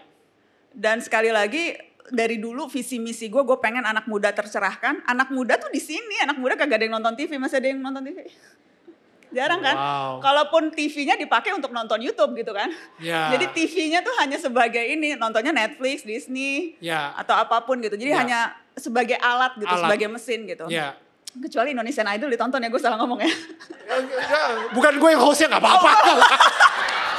Dulu, oh udah bukan lo ya? Udah bukan gue. oh ya. Nonton, tetep nonton. Boy William bagus kok. Come on. lagi. Tapi enggak, sebagian besar orang Indonesia masih nonton TV, of course. Ya, sebagian ya, ya. besar. di Tapi luar kota kota metropolitan, yes. masih nonton TV. Tapi again, yang gua incer tuh kalian, anak-anak muda yang cerdas, yang pintar, yang bisa memilih memilah informasi, yang hidupnya dari sini. Yang gua incer tuh Lulu Pade. Dan Ya. Lulu Pade tuh adanya di sini. Ya. Jadi kalau gue mau relevan, kalau gue mau deket sama Lulu Pade, ya gue harus ada di sini juga. Wow. Dan itu akhirnya ya kalau gue terus di TV melakukan hal yang ini, I Ya. would never reach you guys. Gue nggak mungkin bisa bisa berada Gak bahagia ya, gak cukup bahagianya dikenal sama semua supir Bluebird. kurang. Kalau dede-dede nggak nyapa tuh kurang. Tapi iya gitu dan akhirnya Ya. itu. Tapi ragu banget karena waktu itu kan ketika memutuskan keluar, uh, akhirnya kan yang memutuskan keluar bukan cuma aku tapi seluruh tim Mata Najwa. Hmm. Dan itu tuh deg-degan banget karena gue takut gimana caranya gue bisa menghidupi mereka. Waktu itu tuh belum jelas loh. Perusahaannya belum ada, baru angan-angan, baru yang berda- berbe- Wow. berbekal, Wow. nekat, dan berbaik sangka pada Tuhan tadi gitu. Wow. Bikin narasi. Hmm. Sementara ini orang-orang Mata Najwa yang ikut gue tuh juga jurnalis-jurnalis senior yang udah 10 tahunan lebih karirnya. Hmm. Tapi kemudian percaya mau keluar dari Metro dan sama-sama bikin Wah gila. bikin hal yang baru. Dan gue tuh tiap malam tuh gue nggak bisa tidurnya adalah karena gue kepikiran kalau gue nggak bisa gaji 10 Ya. orang yang ikut gue ini gitu. Ya, ya. Takut nggak bisa bayar gaji mereka gitu. Ya. Gue merasa bertanggung jawab pada teman-teman Mata Najwa yang udah put their faith on me gitu. Hmm. Wow. Yang juga punya anak istri Ya. yang harus bayar cicilan KPR juga. Tapi maksudnya decided to quit and join me gitu. Blank kayak cek kosong aja gitu karena percaya. Gila. Jadi itu sih yang bikin yang bikin gue turun 4 kilo dan rambut rontok tuh karena itu. Ya, ya. Ya, Di di awal-awal narasi tapi eh, apa sulit, Em, penuh dengan kesulitan, penuh dengan challenges. gue mau jujur, rasanya yang gue alamin nggak itu nggak seberat teman-teman entrepreneur alami lainnya. Oke. Karena walaupun gue baru bikin narasi, tapi pengalaman mata Najwa dan orang udah tahu Najwa Shihab, Ya, itu tuh itu modal juga. Right. Itu modal untuk meyakinkan orang mau kolaborasi, modal untuk meyakinkan sponsor karena tahu track record, rekam jejak dan sebagainya. ya. Jadi kalau kalau dibilang mulai dari nol, jujur gue nggak mulai dari nol. Hmm. Karena udah ada bekal pengalaman itu gitu. Ya. Jadi gue nggak mau bilang, wah mulai dari nol berdarah-darah enggak juga. Right. Gue punya privilege itu guys. Gue Ya. punya nama, Ya. gue punya keluarga, Hmm. gue punya suami yang tetap bayarin hidup gue gitu. Kalau misalnya sampai Kalau misalnya sampai nggak ada apa-apa ya, ya udah gue udah ya. nggak usah kerja, bayam aja. Kan dia lawyer, ya udah dia aja deh yang nanggung hidup gue gitu. Jadi Ya. ada security itu gitu. Hmm. Jadi gue privilege, jadi Ya. gue nggak mau nyamain sama entrepreneur yang memang betul-betul susah banget meyakinkan orang karena alhamdulillah gue masih punya modal lain yang bisa gue bawa untuk bangun narasi gitu Wow. sih. Ya ya ya. Jadi itu itu minimal kayak lu yes lu nyemplung tapi tetap ada pelampungnya. Ada pelampungnya, ada Right. pelampungnya. Right. Gue emang sering banget maksudnya setiap kali gue ngelihat lu wawancara seseorang dan lain-lain gitu ya itu keren sih keren sih. Maksudnya eh, pertanyaan-pertanyaan lu is very sharp orang tuh sampai gelagapan dan lain-lain gitu kalau misalnya ngomong. Dan I think eh, apa ya Kecuali eh, Mas Kris dia yang bikin aku gelagapan. ya Aku kayaknya move on-nya akan lama deh ini sama Mas Kris, maaf ya. Kayaknya bulan depan gue masih Mas Kris, Mas Kris. Oh enggak, sampai dia datang November, ya Allah masih 6 bulan lagi ya tuh. Iya, sampai sampai dia datang nanti kita bakal ngeliat sih lo foto-fotoan sama dia segala kayak Aduh gitu. itu pressure banget. Soalnya banyak banget yang tuh langsung susun. Pasti lo langsung dapet tiket ya gitu. Iya. Pasti gak usah ikut tiket war ya. Iyalah. Demi Allah gue kemarin tiket war juga. Demi Allah. Oh. Aku tetap usaha juga kemarin. Gak berhasil tetap. Oh tetap. Ah. Iya ya. Oke oke. Iya, Pengalamannya ayo. banyak lah seperti, orang-orang awam pada umumnya ya. Iya ngikut juga gue. Gue kira dapat privilege celebrity gitu enggak, Enggak, ya? enggak. Oke. That's good, that's good. Sebel. Sebel. Nggak, soalnya orang tuh langsung ini pasti udah pasti banget. Iya, gue juga assume-nya kayak gitu, Iya udah kan? pasti dapat VIP lah. berburuk-sangka pada gue. Aja. Tapi ngomongin, ya itu dia, ngomongin oh, berani ngomongin eh, ke politician, politician yang kadang-kadang dia sendiri, oke kita tadi sempat ngobrol di backstage gitu. Indonesia ini, bukan di Indonesia, bahkan di dunia, kita nggak pernah diajarin bagaimana caranya handle power. Gue ngeliat, em, contoh gitu ya, eh, kalau kalau misalnya di Alkitab dibilang kalau misalnya lu pengen ngetes seberapa eh, jernihnya sebuah perak, taruh itu di api. Tapi kalau misalnya lu pengen tahu seberapa eh, jernihnya hati manusia, taruh dia di ketenaran, di di fame, di kas, berikan dia kuasa, berikan dia power gitu. Nah, gue ngeliat ketika seseorang di Indonesia atau ya di di mana-mana gitu ya. Tapi sekarang ini gue cuma ngomongin di Indonesia aja. Dia udah pakai baju seragam. Seragamnya itu memberikan dia sebuah power, sebuah otoritas. Em, atau bahkan jabatan. Jabatan itu dia kenapa orang bisa gila jabatan karena dia tahu jabatan ini akan memberikan dia sebuah power. Nah, how do you mungkin ketika ngobrol sama Abi juga gitu, gue sendiri juga penasaran karena kemarin baru aja ngobrol ya di Sihab dan Sihab em, tentang harta, tahta dan kuasa gitu. Itu itu benar-benar bikin gue kayak wah gue pengen nonton nih. Gimana sih sebenarnya untuk seorang Najwa Shihab biarpun sudah seperti sekarang ini sudah setenar ini dan politisi pun juga sampai gemeter-gemeter kalau misalnya di interview sama seorang Mbak Najwa, lu masih bisa humble, lu masih bisa rendah hati, lu masih bisa cewawaan gitu kan dan lain-lain gitu. Ah, Dan nggak nggak ada dari tadi kita ngobrol selama kita lari di Pokari juga gitu ya, nggak ada a sense of kesombongan atau man don't you know who I am, gue Najwa Shihab gitu. Nggak ada itu sama sekali. Tapi itu sebelum Chris Martin tahu nama gue. Sekarang beda kita. Sorry, benar. Daniel, kamu sekarang debu. bener juga, bener juga. Ya, beda ya sekarang Itu ya. Kayaknya kemarin tuh momen yang mengubah kepribadian gue sih. Udah. Ini namanya spiritual journey. Jadi ya yang tadi itu rendah hati, sekarang lagi sombong nih. Lagi tahap sombong dan lagi congkak. segini-gini ya. Iya, tapi gimana sih? Like how do you how are you able to handle power? Gimana ya? Mungkin karena belajar dari Abi sih. Abi Kures tuh orang paling rendah hati, manusia paling rendah hati yang yang dan gue belajar banyak banget dari Abi. Em, dia tuh orang yang bukan hanya belajar Al-Quran tapi hidup bersama Al-Quran. Wow. Dari umur 13 tahun udah merantau jauh ninggalin ibu bapaknya untuk belajar Al-Quran di Al-Azhar University di Kairo. Hmm. Universitas paling bergengsi, paling kredibel untuk orang mengkaji Al-Quran. Hmm. Abi melakukan itu dari umur 13 tahun. Jadi udah lebih dari hampir 80 tahun hidup dan belajar dengan Al-Quran. Tapi tidak pernah sekalipun merasa dirinya tahu segala. Nggak pernah merasa jadi ahli pemegang kunci surga. Yang bisa dengan gampang bilang, lu masuk neraka, lu masuk surga gitu. Nggak pernah tuh menghakimi orang. Hmm. Dan selalu bilang, kalau mengatasnamakan dirinya ya nggak pernah saya atau aku, tapi selalu kami. Kalau perhatiin buku-bukunya Abi tuh, itu selalu kata pengantarnya bilangnya penulis, nggak pernah mengakukan diri, Hmm. karena percaya dan merasa ilmu yang didapat itu tuh bukan hanya karena kemampuannya dia sendiri, tapi karena peran begitu banyak orang, guru-gurunya, orang tuanya. So it's never just him gitu. Wow. Jadi nggak pernah bilang saya, aku aja nggak pernah. Wow. Selalu kami, selalu selalu pihak ketiga penulis. Wow. Waktu kita, waktu Abi ulang tahun ke-70 kita mau nulisin biografi, itu ngebujukinnya hampir setahun kali. Nggak mau ditulisin biografi kisah hidupnya.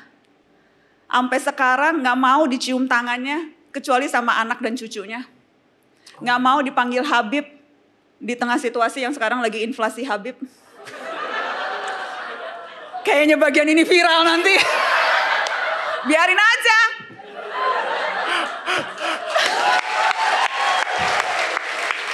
Tapi itu nggak mau gitu. Karena selalu bilang Habib itu artinya orang yang dicintai dan mencintai. Hmm. Itu artinya Habib. Jadi Wow. nggak cukup kalau lu hanya dicintai, dicium-cium tangannya, diluk-lukan. Lu juga harus hati lu tuh harus penuh cinta, nggak punya kedengkian, harus selalu rahmat, harus selalu terbuka pada perbedaan. Itu mencintai kan seperti itu. Wow. Jadi gue belajar banyak banget dari Abi. Setiap kali ada sesuatu yang dia nggak tahu, dia selalu nanya. Nanya ke gue soal hukum, nanya. Jadi iya nanya. Wow. Kalau mau lagi nulis sesuatu nanya. Setiap pagi sepanjang ingatan memoriku ya, dari mulai aku bisa ingat dari mulai aku kecil sampai sekarang, ritual paginya tuh nggak pernah berubah. Bangun pagi, sholat subuh, duduk di meja kerjanya, ada teh Lipton di samping kanannya yang diseduhnya sendiri, pakai sarung dan selalu either nulis, either baca, either ngetik. Hmm. Penulis paling produktif saat ini, bukunya udah puluhan. Belum selesai satu buku, udah punya ide baru untuk nulis buku yang lain. Oh. Sampai penerbitnya tuh bilang, Abi tunggu dulu dong, ini buku yang ini belum diter, belum dicetak nih. Wow. Jadi selalu nulis, selalu baca, selalu mau tahu apa kata orang, selalu mau dengerin orang. Wow. Dan hari-hari ini situasi di mana ada begitu banyak orang mengaku ahli kan ada bukunya tuh Death of Expertise. Hmm. Lu baru tahu satu buku aja masih nyontek-nyontek belakangnya lu udah ngaku ahli gitu. Hmm. Koar-koar deh di media sosial merasa ahli segala hal. Hmm. Di tengah begitu banyak orang yang sekarang begitu mengklaim kebenaran, Ya. Abi itu contoh buat gue yang luar biasa. Karena dia tahu banyak sekali hal, tapi nggak pernah mengkerdilkan orang lain. Wow. Tahu kan? Dan itu tuh jadi jadi panutanku tuh Wow. itu. Ya. Panutanku tuh Abi Quraisy, panjang umur, sehat selalu ya Allah. Aku tuh Yes, selalu amin, amin, Aku tuh amin. selalu deg-degan banget setiap kali bicara Abi karena aku ngelihat Abi makin tua, 80 Hmm. dan makin aku inget tuh aku kemarin ngobrol kayaknya nggak akan pernah siap deh. Kita kayak kita nggak pernah siap ngelihat orang tua kita tua ya. Aku tuh tinggal di rumahku tuh bener-bener di belakang rumah Abi. Jadi aku tuh setiap hari jalan kaki gitu ke rumah Abi. Setiap hari ketemu. Hmm. Tapi setiap hari terus ngelihat kok kayaknya Abi makin tua dan aku makin deg-degan ya Allah. Aku takut banget Abi meninggal. Hmm. Aku that's my biggest fear kalau Abi meninggal gimana ya Nil? Hmm. Aku nggak mau mikir, udah nggak usah dibahas. Di skip nggak usah dibahas itu. Yeah. No, no. Nggak usah dibahas. Let's not talk about it. Tapi aku takut banget ya Allah. And kita kalau ngomongin tadi itu ya, kayak emang bener sih ngelihat ngelihat sosok Abi itu bener-bener saya sendiri juga pengen banget ngobrol sama Abi dan belum kesampaian. Kemarin itu udah Iya, ngobrol ber- sama kakak atau adik ya kemarin Caca ya? Caca. Caca, ha, Ah, adikku, adikku. ah, adik ya. Nah, uh, jadi belum belum belum sempat kesampaian tapi I know that one day I I would love to Yes. have this conversation juga sama Abi Koresh gitu. And ya tunggu aja ya di Daniel tetangga kamu berikutnya ya. Alright. Um, tapi balik lagi keberanian Mbak Nana untuk wawancara seseorang dan benar-benar dengan pertanyaan yang sangat tajam, tidak melihat sosok dia itu siapa dan lain-lain, itu datangnya dari mana, Mbak? Dari belajar, Oke. dari pengalaman. Dulu awal-awal jadi reporter juga takut-takut, banyak gak enaknya. Kok inget tuh awal-awal jadi reporter, aku kan dari dulu selalu ditugasinya desnya politik eh, hukum gitu ya. Uh, jadi aku sempat jadi wartawan istana, wartawan TNI, nongkrongnya di kantor polisi, di DPR. Jadi memang dari dulu tuh karena backgroundku juga hukum, jadi memang selalu ditempatinya di situ. Ya. Tapi ya butuh butuh waktu setelah puluhan tahun. Awal-awal juga gue cemen banget. Masih kayak nggak ada kita kita semua ini soalnya eh, ngelihat Mbak Nana ini bukan orang Indonesia pada umumnya gitu. Maksudnya orang Indonesia pada umumnya pasti nggak enak-enakan, Maksudnya, santun, oh, ya eh, santun gitu yang kayak oh ya, eh, aduh nggak enak lah nanti nanti dia bakal marah lagi, ah, takut menyinggung dan lain-lain. Kalau Mbak Nana itu ya nggak ada, udah tinggal langsung I know um, lu lagi mengeksploitasi sesuatu, I know ini kebenarannya ada di sini, I know uh, lu sekarang ini lagi berbuat sesuatu yang tidak adil dan gua akan ngebuka ini ke publik gitu. Dan ini jarang banget maksudnya come on like like gua Enggak ah, sekarang banyak banget reporter yang canggih-canggih ini. se- setelah Mbak Nana Gitu, mm, Enggak juga, banyak banget senior. Aku tuh belajar, aku belajar dari Mbak Desi Anwar, belajar dari Bang Andi Noya, belajar. Itu dua mentorku banget tuh dan apa namanya? Mungkin stylenya berbeda ya. Kalau aku stylenya lebih straightforward. Ada Ya. yang stylenya mungkin beda-beda dan itu yang membuat yang yang menurutku ya perbedaannya di cara dan gaya gitu. Tapi Ya. pada dasarnya aku merasa semua jurnalis ya dididiknya sama. Oke. Maksudnya ya you seek the truth, lu Ya. jangan ngomong kalau lu nggak yakin faktanya apa, you do your work dan itu tuh yang aku pegang sampai sekarang dan aku pegang di tim Mata Najwa. Ya you have to do the work kalau lu mau ini, Do lu harus research. riset, Ya. lu harus uh, ngecek semuanya, lu harus memastikan semuanya ini gitu. You Ya. have to have that kwitansinya tuh harus ada istilahku. Ya. Jadi kalau lu nanya seseorang dan dia ngelak, dia nggak bisa ngelak karena kwitansinya lu pegang. Ini nih tandanya buktinya gitu. Hmm. Wow. Jadi dan setiap kali gue mata najwa tuh gue Ya. udah punya kwitansi banyak nih. Wow. Mau wawancara politisi apa pun, I do my work. Wow. Tapi menurut gue tuh there's nothing, ya memang itu yang harus dilakukan gak sih? There's Hmm. nothing really special tentang orang yang mempersiapkan dirinya menghadapi pekerjaannya. ya ya Mungkin menjadi spesial karena ada banyak yang nggak konsisten melakukan itu. Hmm. Hanya di awal-awal terus kemudian ngerasa bisa atau kemudian ngerasa ya udahlah I think Hmm. I know gitu. Dan itu tuh yang yang bahayanya di situ. Hmm. Nah, kalau di mata Najwa sistemnya tuh udah kita bikin. Hmm. Siapa pun lu mau wawancara Mas Kris, lu mau wawancara Mas Ganjar soal Israel, lu mau wawancara siapa pun gitu. Hmm. Ya harus sama, Ya. you do the work. Dan Ya. itu yang nanti akan membedakan kualitas lu dengan kualitas yang lain. Wow. Karena kan ini transparan banget ya. Maksudnya what you see is what you get. Lu nggak bisa bohong-bohong gitu. Ya. Kalau lu apa namanya masih bisa suaranya di adjust adjust atau kalau misalnya bisa gaya-gaya gitu. Tapi enggak kalau lu apalagi kalau ya lu nanya jawab kelihatan kualitas lu dari pilihan diksi, dari gimana lu uh, nanya ke orang, gimana pembawaan lu. Maksudnya transparan banget. Hmm. Jadi ya if you don't do the work, ya lu nggak akan berhasil. Dan Ya. kenapa Mata Najwa alhamdulillah bertahan sampai sekarang karena we do the work and we do it consistently. So Wow. there's no magic thing itu kayak resep yang bisa dipakai untuk semua. We just do it consistently. Itu. Tadi bener banget yang ngomongin soal inconsistent karena ketika mata Najwa atau bahkan orang udah mulai mengenal Najwa, Shihab gitu ya, akhirnya lu bakal mikir kayak ya udahlah gue ngapain aja gue ngomong A atau B aja orang sponsor masuk orang bakal nonton whatever gitu dan itu yang bikin kita longgar bikin kita kayak ya udahlah researchnya mungkin biasanya eh, misalnya sejam gitu ya udah 30 menit aja cukup gitu. Eh, sehingga ya kualitas dari em, show tersebut itu Turun. akhirnya menurun kan. Iya. karena eh, terbuai sama ketenaran dan likes dan sponsor dan duit gitu maksudnya. Iya, dan maksudnya itu kita aku seneng banget salah satu yang menunjukkan karena ada yang bilang waktu itu kalau program TV pindah TV itu pasti turun. ya Dan ada banyak banget tuh bukti nunjukin dia berhasil di TV ini ketika muncul terus turun. Tapi alhamdulillah not with Mata Najwa. Ya. Di Metro lama pindah ke Trans 7 alhamdulillah jadi jauh lebih besar, Wow. pemirsanya jauh lebih ini dan sekarang pun ke digital juga penonton digital tuh kalau dihitung-hitung jauh lebih banyak dibandingkan jadi satu episode Mata Najwa di digital itu jauh lebih banyak dibandingkan yang setiap minggu kita lakukan di televisi loh. gila ya Jadi alhamdulillah kita udah melewati berbagai uh, perubahan format dan perubahan uh, berpindah medium gitu ya. Tapi tetap karena ya kualitasnya yang kita jaga, teamworknya yang kita jaga. Maksudnya Najwanya cuma satu, tapi tim mata Najwanya tuh luar biasa. Itu banyak banget. Gimana gimana sih caranya supaya Mbak Nana sendiri dengan tim-timnya itu menghadapi uh, komentar-komentar netizen atau mungkin ancaman-ancaman netizen ketika uh, ngomongin sesuatu yang lumayan sensitif gitu.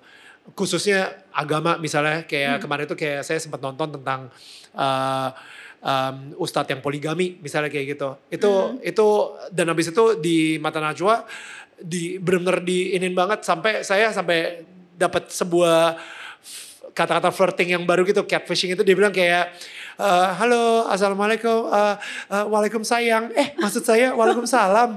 Itu kan kayak dan yeah. kayak gue ah gila. Dan itu dan itu I think that's from your yes, your investigasi ini kan. narasi uh, exactly investigasi narasi. Pasti banyak kan yang menyerang gitu. Wah lu jangan memperjelek ini dong bla bla bla bla bla bla. Bla how do you handle that? Um, karena ya itu kembali ke we do the work. Jadi maksudnya gue akan memastikan apa pun yang tayang, apa pun yang keluar itu memang udah melalui proses yang bisa dipertanggungjawabkan. Hmm. Kode etiknya clear, cara kerjanya clear dan betul-betul uh, independen. Hmm. Jadi kalau itunya kita udah yakin, hmm. ya kita akan pede.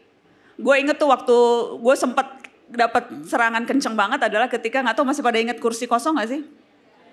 Iya. Boleh yeah. diceritain konteksnya? Konteksnya adalah waktu itu pandemi dan waktu Menteri Kesehatan ketika itu Pak Terawan itu uh, apa namanya hampir tidak pernah muncul di publik menjelaskan kondisi pandemi.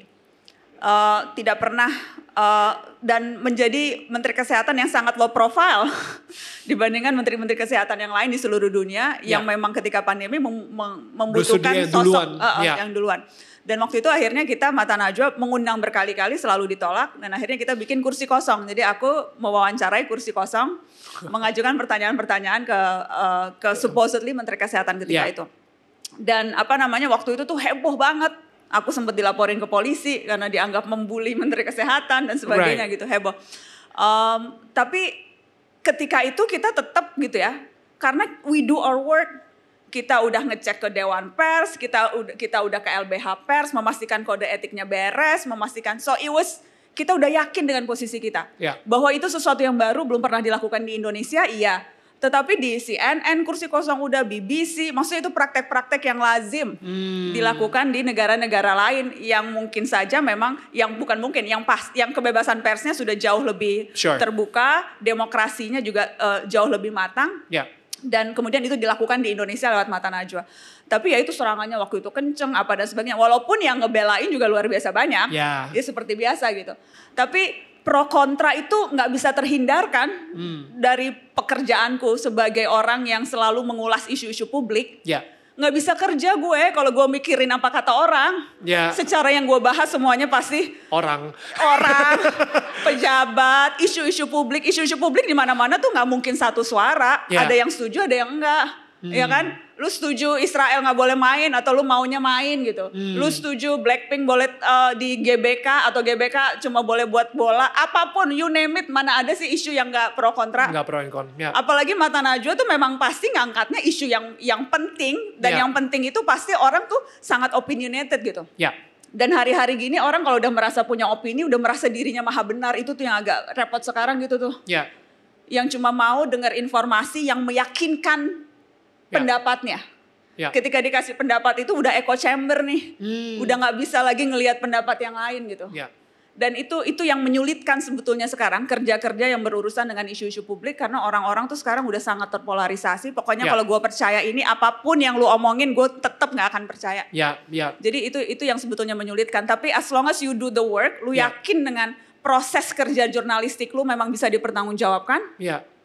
Gue nggak takut. How do you handle cyberbullying? Maksud gue uh, ketika gue juga ada isu beberapa bulan yang lalu gitu ya. Abis itu Daniel gue ini ini ancaman yang benar-benar menurut gue sakit banget di hati gue gitu. Daniel um, gue udah gak respect lagi sama lo sejak lo ngomong tentang hal tersebut.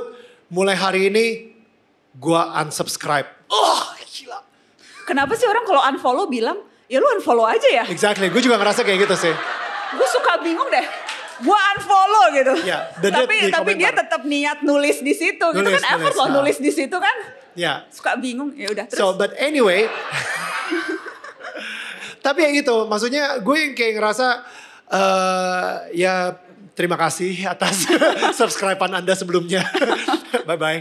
Um, tapi maksud gue, lu pernah nggak ngerasa di cyberbully gitu? Dan mungkin buat uh, Gen Z dan juga anak-anak uh, yang mungkin lahir, begitu lahir udah ada handphone, um, gimana mereka bisa handle cyberbully dan bisa ngerasa secure? Seperti Mbak Nana, I feel like Mbak Nana orangnya secure banget yang gue gak peduli apa kata orang, ya yang penting orang-orang harus tahu kebenarannya gitu misalnya. Enggak sih, gue pencitraan juga sih kadang. Oh gitu. Ya, jadi gak secure-secure amat sebenarnya ya. Nggak secure, karena tapi ya, ya wajar banget merasa nggak yakin apa dan sebagainya. Karenanya penting punya support system. Di dalam case gue adalah support system gue adalah teamwork mata najwa yang gue tahu bisa gue pegang sama ya keluarga dan sebagainya. Jadi penting tuh untuk punya bouncing board. Kalau misalnya kita mulai ragu, kita takut, apa itu you need to have that circle guys. Ya. Create that system, create Wow. that circle. Wow. Cari tuh orang-orang yang bisa jadi circle lo untuk bouncing. Termasuk untuk bilang kalau lu salah. Siapa aja kalau misalnya di di loh in, in your circle gitu. Misalnya Oh. suami sama anak udah pasti Suami ya. Izat, Baim, Ya. uh, apa my sisters, aku tuh bersaudara lima orang, empat perempuan, satu laki-laki, and Mhm. we're, we're very close gitu ya. Jadi sister, my mom, my Ya. dad gitu ya, keluarga kita tuh deket banget. Tinggalnya tuh selalu Ya di bener-bener komplek tetangga, itu lah. heeh. Iya jadi itu keluarga sama of course temen di tim di narasi di Mata Najwa itu yang yang jadi support system banget. And my my friends teman-temanku, geng geng kuliahku, geng apa namanya dari Metro, geng-geng presenter Metro dulu. Wow. Jadi Itu masih adalah ada tuh circle circle circle yang- circle circleku tuh banyak gitu, banyak Ya, teman-teman. yang lu tahu kalau misalnya eh, apa pun orang ngomong soal lo, tapi yang penting kalau mereka ngomong soal apa ke gua soal ini, udah gue secure di situ. Iya. Dan itu tuh juga harus diusahakan tahu. Maksudnya usaha untuk memaintain pertemanan tuh juga apalagi hari-hari ini, apalagi di Jakarta itu So butuh good. effort loh. Ya. Tapi itu worth it banget. Ya. Jadi apa pun yang kalian lakukan, make sure kalian tuh punya lingkaran pertemanan yang yang secure dan gak yang cuma itu-itu aja guys. Jadi dibina lagi tuh teman waktu kuliah, teman waktu sekolah, teman ya you have to have that That community lah that gitu. community Ya. yang memang harus diusahakan hari-hari ini yang memang lu harus effort tapi Hmm. it's, itu means uh, di, apa namanya makes a lot of difference banget apalagi kalau lu berada dalam posisi-posisi yang susah ya. Hmm. Mbak Nana, em, ini kan sebentar lagi nih eh, 2024 ya, Hmm. gitu kan. Nah kita ngomongin sedikit lah ya soal politik ya. Ha-ha. Boleh ya guys. Ha-ha. Setelah lo eh, ngewawancara banyak banget politisi-politisi yang akhirnya masuk ke suka miskin. Eh, jadi, do you still have faith? gue gue sering dengar kayak ketika ditanya Mbak Nana mau nggak masuk politik gitu, and I think your answer is amazing gitu, di mana well Aduh gue ngomong ngejawab apa ingetin. uh, lu ngejawabnya gak guna kalau misalnya partai-partainya itu Oh, iya, iya, masih uh, mereka yang megang kekuasaan gitu. Lu hanyalah uh, ya cuman pemain kecil di Iya, iya. partai yang begitu besar gitu. Iya, iya. Jadi sebenarnya tapi uh, I can feel dengan sosial media, dengan handphone, dengan adanya mata najwa juga uh, itu udah ada perubahan nih. People uh, seek the truth. People benar-benar uh, mereka udah you know udah udah nggak bisa sembarangan lagi yang berkuasa opres yang uh, jelata gitu misalnya. Um, how what is your faith? Eh, maksudnya gimana nih eh, keyakinan lu dengan politik Indonesia ke depannya gitu? Kalau gue jadi lu gue udah nyerah kayak ah gila.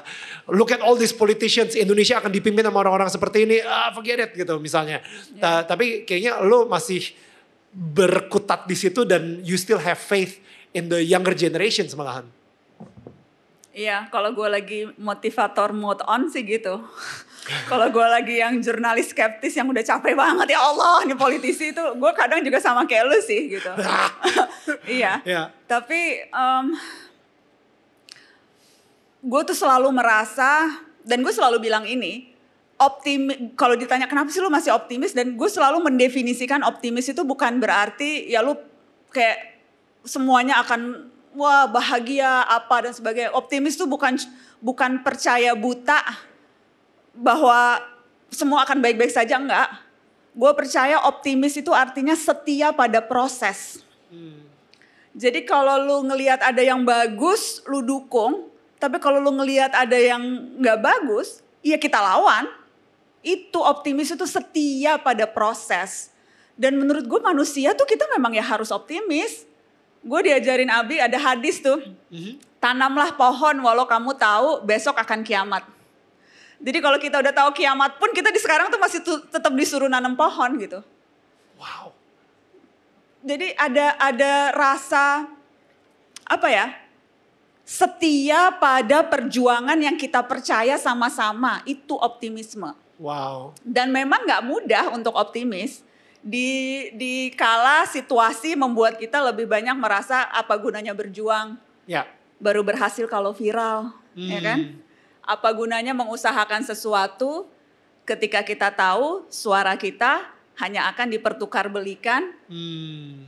oleh elit ketika nego-nego kekuasaan misalnya. Hmm. Ngapain berapi-api ngebela satu hal ketika tahu di ujungnya mereka salam-salaman untuk kepentingan segelintir saja gitu. Hmm. Jadi ada tuh rasa-rasa kayak gitu gitu. Ya. Dan situasi-situasi yang membuat kita kemudian ya ngambil jalan yang mudah. Karena yang paling gampang kan itu. Ya udahlah terserah. Yes. Gue rebahan aja.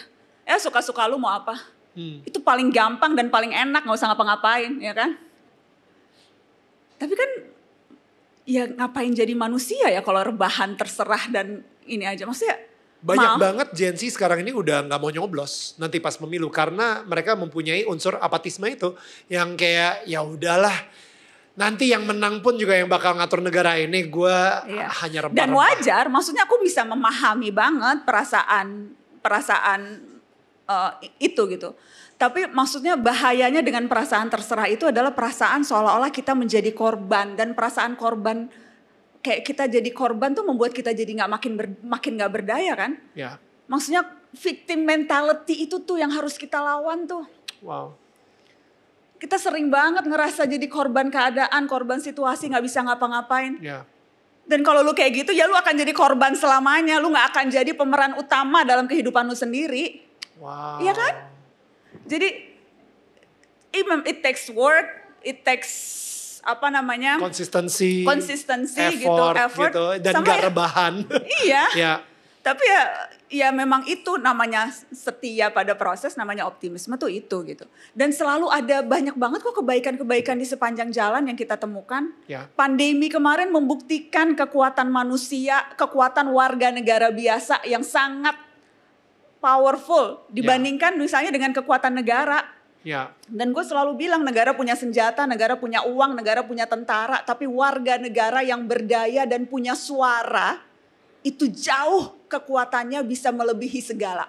wow Gue Ya. percaya itu. yes Jadi jadi itu tuh yang selalu I preach this to kalau Ya. ketemu dede-dede, kalau ketemu Ya. mahasiswa karena I really believe that gitu. kenapa mereka harus vote Ya gue analoginya gini loh, lu rela Instagram lu dipakai orang lain untuk ngisi story lu. Lu lu lu mis, kebayang nggak? Lu gue nggak mau lu lu megang Instagram gue lu ngisi posting-posting sendiri gitu. Instagram gue punya gue, suara gue, ekspresi gue, hak gue, pendapat gue. Lu nggak rela akun Instagram lu dipakai orang lain, masa lu rela suara lu sebagai warga negara digunakan orang lain dan lu nggak pakai suara? Iya kan? Sesederhana itu aja. Lu paling nggak mau disuruh-suruh ngatur-ngatur pakai baju apa, ini apa, paling nggak mau diatur-atur kan? Ya kita ngatur diri kita sendiri, gunakan suara kita sendiri kalau lu kita nggak mau diatur ini. ya Iya, apa yang penting buat lo dan cari siapa kelompok eh, atau orang yang bisa mewakili kepentingan lo. Hmm. Yang penting buat gue apa? Yang penting buat gue bumi bisa lestari. Yang penting buat gue internet bisa lancar. Yang penting buat gue eh, orang yang berbeda tidak takut karena dia berbeda bisa hidup berdampingan. Itu misalnya penting buat gue. Penting buat gue pendidikan merata untuk semua. Keadilan bisa dicapai bahkan oleh orang-orang di pelosok. Itu penting buat gue. Tentukan apa yang penting untuk lo. Jadikan itu agenda. Cari orang yang paling bisa memenuhi agenda itu so good nggak semua akan bisa.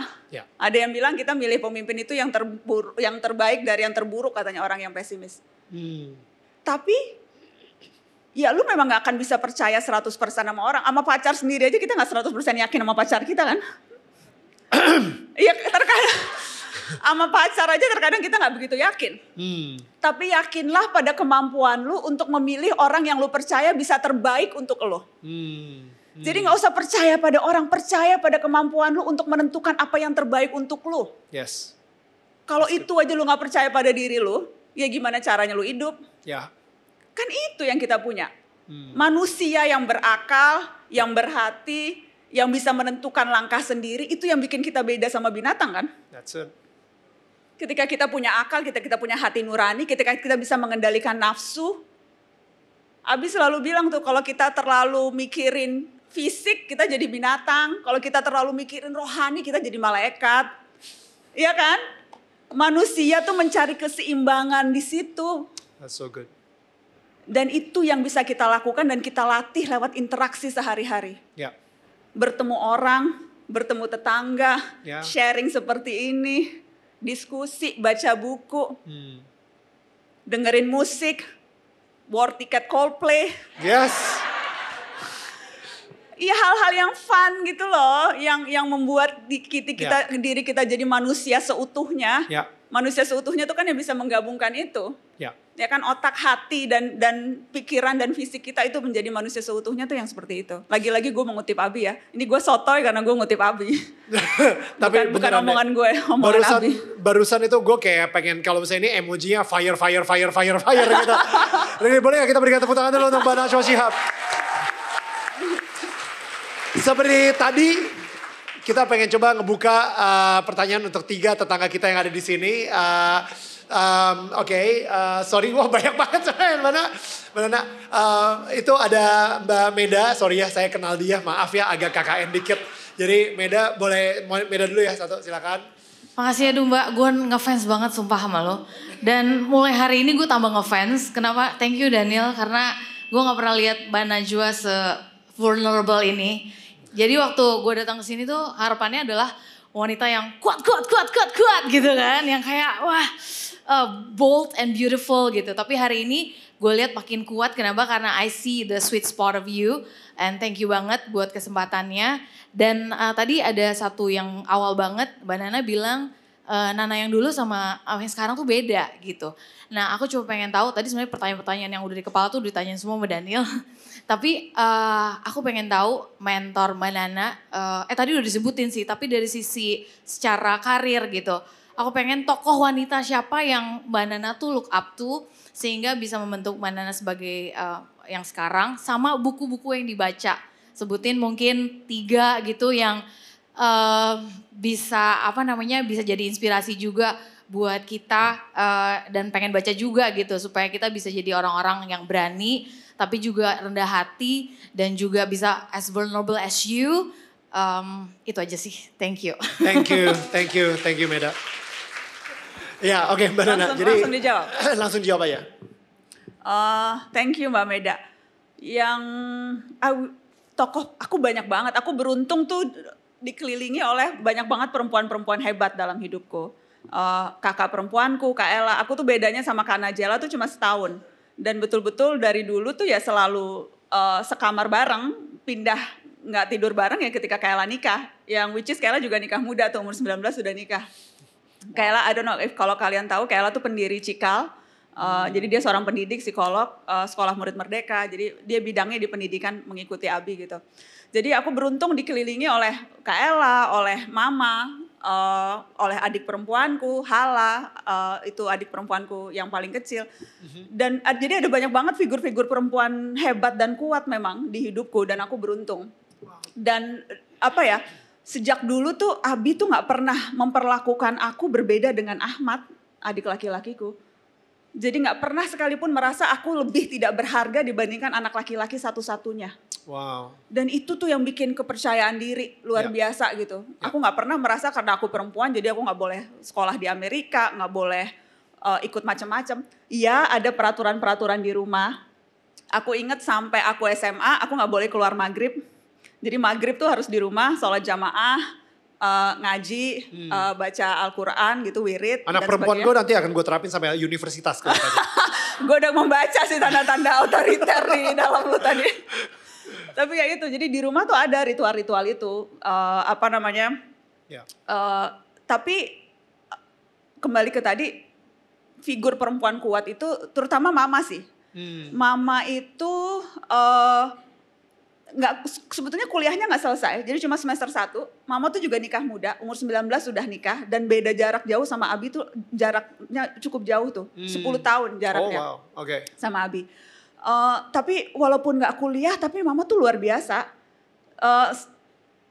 Ho- suka banget bahasa, jadi bisa bahasa Arab, bisa bahasa Perancis, sampai sekarang tuh masih les bahasa Perancis di CCF dan bahasa. Perancisnya tuh udah kayak native, cus dan bener-bener karena setiap hari selama hampir 20 tahun les setiap Senin di CCF Perancis gitu ya. Wow. Jadi aku dan dari mama tuh aku belajar soal pokoknya kalau Nana mau bisa. Gue Hmm. belajar punya ambisi dan nggak pernah dilarang tuh untuk punya ambisi. Kalau Wow. banyak kan di tengah masyarakat kita yang sangat patriarki punya ambisi dianggap melanggar tradisi gitu perempuan. Ya. Tapi not with her gitu. Wow. Jadi mau Nana mau apa bisa, mau ngapain bisa gitu.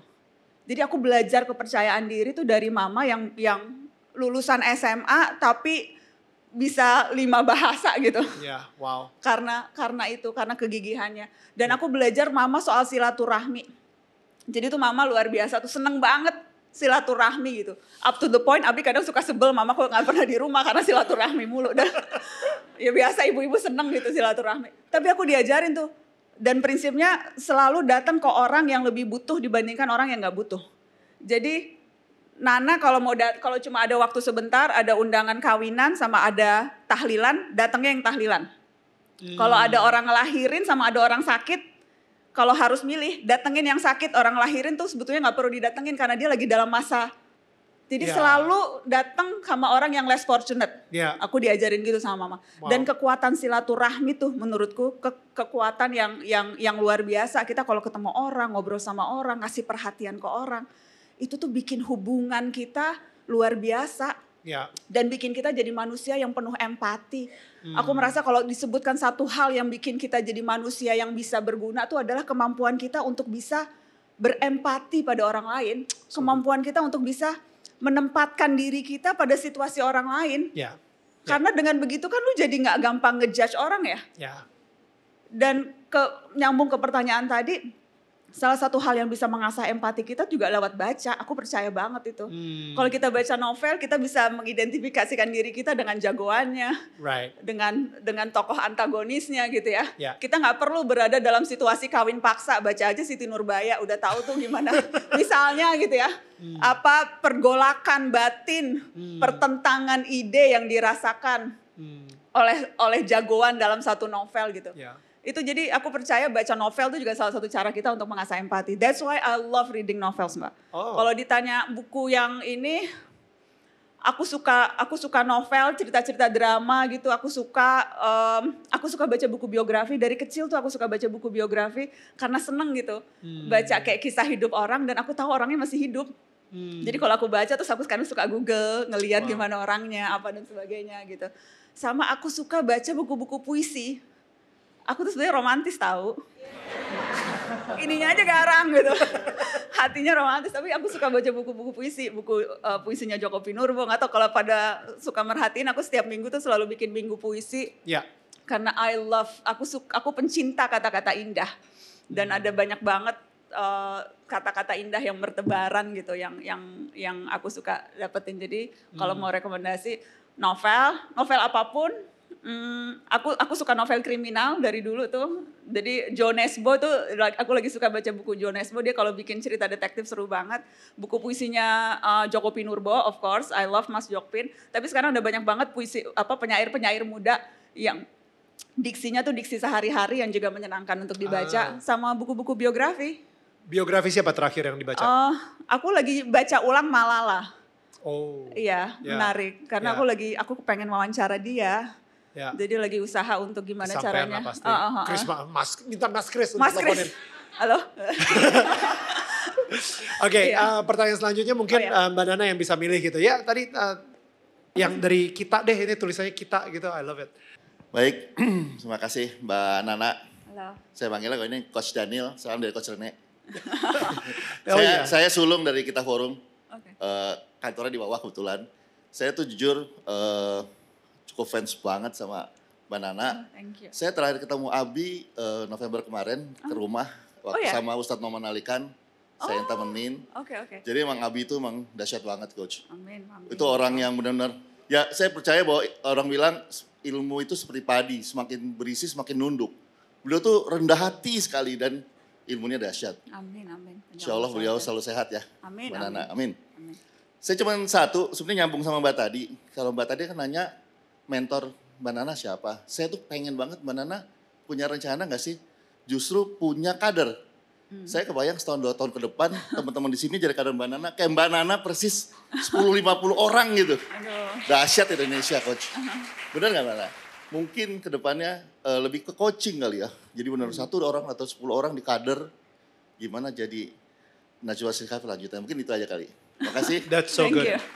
Gimana caranya untuk mereplikasi Najwa Shihab lebih banyak lagi anak-anak muda yang seperti seberani Najwa Shihab. Banyak banget, aku merasa sekarang anak muda tuh berani-berani banget kok teman-teman. Dan makanya maksudnya kalau dibilang mentor, aku tuh ya insya Allah mudah-mudahan narasi, sekarang narasi tuh kira-kira ada 170-an orang gitu di narasi, eh, karyawan narasi. So hopefully itu juga, dan di narasi itu of course itu juga kader-kader, banyak yang bilang PNS, pegawai Najwa Shihab gitu ya. Jadi itu maksudnya salah satu caraku untuk untuk apa namanya membangun komunitas juga gitu ya lewat narasi. Dan di narasi itu kita punya komunitas narasi itu tuh ada di 30 sekarang 36 provinsi yang terdaftar tuh udah 200 ribu orang dan di setiap daerah setiap provinsi itu mereka selalu bikin kegiatan sesuai dengan apa yang penting untuk daerahnya gitu. Wow. Jadi komunitas narasi di Ambon misalnya mereka banyak kegiatan toleransi. Jadi waktu itu ngecat gereja, ngecat ngecat masjid dan Wow. sebagainya.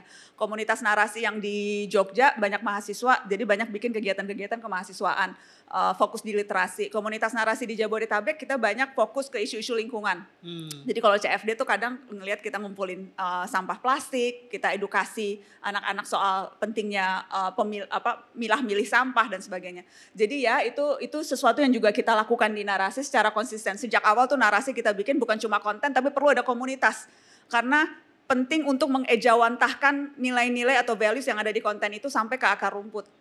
Hmm. Gimana caranya bikin ini real, gimana caranya konten itu bisa berbunyi ke bawah ya kalau itu bisa kemudian values itu diteruskan lewat kerja-kerja real di akar rumput dan di lapangan. Wow. Karenanya ya kita bikin uh, komunitas narasi dan aku selalu nggak pernah no- nggak pernah bilang enggak kalau diundang mahasiswa. Aku Hmm. paling seneng tuh keliling-keliling kampus gitu ya. Dan biasanya selalu menjelang kalau tahun ajaran baru tuh aku pasti keliling Indonesia tuh UI, UGM, IPB sampai jauh-jauh Uh, karena kesempatannya tuh lebih besar biasanya penerimaan mahasiswa baru kan ribuan orang tuh Hmm. dan aku selalu tuh keliling ke kampus-kampus bikin acara dan memang sejak awal aku percaya Indonesia butuh anak muda anak muda tuh yang akan menentukan jadi Yes. apa pun kegiatanku fokusku selalu ke anak muda sih dan Wow. mudah-mudahan jadi values itu bisa bisa Bisa mereplikasi tadi itu ya. insya Allah Oke. mimpinya itu mas Thank you. Oke. Thank last you. question, last question. Oke, eh, tadi yang Mbak yang pakai masker, sorry ya, itu yang eh, tadi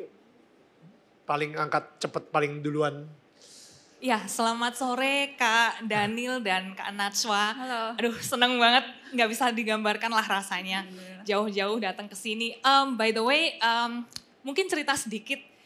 Eh, tadi waktu Kak Natswa cerita banyak hal dari awal, itu I resonate a lot with you. Karena saya juga pernah mengalami miscarriage. Saya juga ada the biggest fear in my life now itu kehilangan ayah ya gitu, anak pertama perempuan gitu. Jadi banyak yang resonate dan sedang menggeluti um, mental health platform. Jadi bisa merasakan gimana jugglingnya gitu ya antara work life balance gitu. Nah pertanyaannya, um, if you can look back into your past life kak, do you see yourself can be as big as now? Dan faktor X apa yang membedakan Kak Natswa uh, bisa ber- menjadi berdampak sebesar ini sekarang? Itu mungkin. Namanya siapa tadi? Esta. Esta. Iya. Thank you so much Esta. Thank you. Thank you so Thank much. you. That's a great question. Sebenarnya tadi gue pengen nanya exactly the same question as Esta, cuman lupa gitu. Jadi ya ditanya sama Esta, so it's great. pertanyaannya susah Esta. Em, sa- saya tuh nggak pernah. Jadi saya tuh nggak, saya tuh nggak pernah punya kayak kayak target harus jadi seperti ini orang ini atau posisi ini tuh nggak pernah. Tapi aku selalu punya apa ya? em, jadi target itu bukan dalam arti struktur tertentu gitu ya. Tapi bahwa ada momen-momen atau ada tonggak-tonggak yang kemudian bisa ditranslate, kalaupun itu ditranslate sebagai pencapaian itu ya ada. Aku inget tuh aku dulu waktu masih jadi reporter tahun 2004 baru 3-4 tahun jadi reporter 2000, oh 2005 sorry 2005 eh, dan aku baru habis pulang dari liputan yang cukup besar yang mempengaruhiku dan bahkan juga kayaknya jadi salah satu tonggak dalam perjalanan karirku ketika aku pulang liputan tsunami. Dan aku inget itu kayaknya orang mulai kenal Najwa Shihab tuh ketika dia nangis-nangis di Aceh sih. Ya. Eh, dan aku ingat aku waktu itu ada wartawan dari Belanda waktu itu bikin liputan tsunami terus salah satu feature yang dia angkat adalah ini ada reporter dari Indonesia yang bikin Indonesia menangis itu judul artikelnya waktu itu Wow. dan dia wawancara aku dan aku inget tuh waktu itu di halaman di pertanyaan terakhir adalah kamu mau jadi setelah ini apa target kamu terus aku bilang "Eh, saya pertama eh, saya mau sekolah lagi saya mau punya anak lagi dan saya mau kayak eh, Oprah Winfrey Hmm. Aku bilang itu, itu tahun 2005. Dan eh, kayak a few years ago gitu aku baru beres-beres kamar. Oh pas pandemi, pandemi kan kagak ada kerjaan ya guys. Jadi ya segala lah lemari dibongkar, apalah dibongkar gitu. Dan aku bongkar lemari dan nemu lagi tuh artikel itu. Dan kemudian aku baca. Dan kemudian terus aku inget-inget, kayaknya alhamdulillah apa yang aku inginkan waktu itu aku kesampaian deh Ya. aku waktu itu dapat beasiswa ke Australia. Aku punya Naminya, walaupun Naminya meninggal, tapi punya anak lagi loh. Ya. Dan aku punya mata najwa dan sekarang punya narasi. Oprah kan punya onward gitu. Ya. Jadi dia bukan hanya punya program, tapi juga punya perusahaan gitu. Harpo. Ya. Iya Harpo dan kayaknya alhamdulillah apa pun yang waktu itu aku manifestasikan dalam bentuk jawaban pertanyaan pada Hmm. koran di Belanda itu itu kejadian gitu. Dan itu tuh aku syukuri banget. Dan kadang tuh terkadang memang kita nggak pernah sadar gitu. Melewati momen di mana alhamdulillah I think kita reach a point yang apa yang kita omongin dan kita inginkan itu diberikan Tuhan Hmm. lewat cara yang mungkin ya nggak nggak semuanya ideal. Punya anak lagi maunya ya anaknya hidup gitu. Tapi ya Nami aku kalau ditanya anaknya berapa selalu jawab dua Hmm. selalu jawab dua Hmm. jadi Em, mungkin itu yang paling mendekati jawaban apakah aku pernah memanifestasikan atau punya keinginan untuk melakukan apa yang aku lakukan sekarang gitu. Ya. Tapi in terms of Faktor X-nya sendiri. em, doa orang tua sih. Hmm. Aku itu doa orang karena di keluargaku tuh segala hal dimintain doa tau gak sih?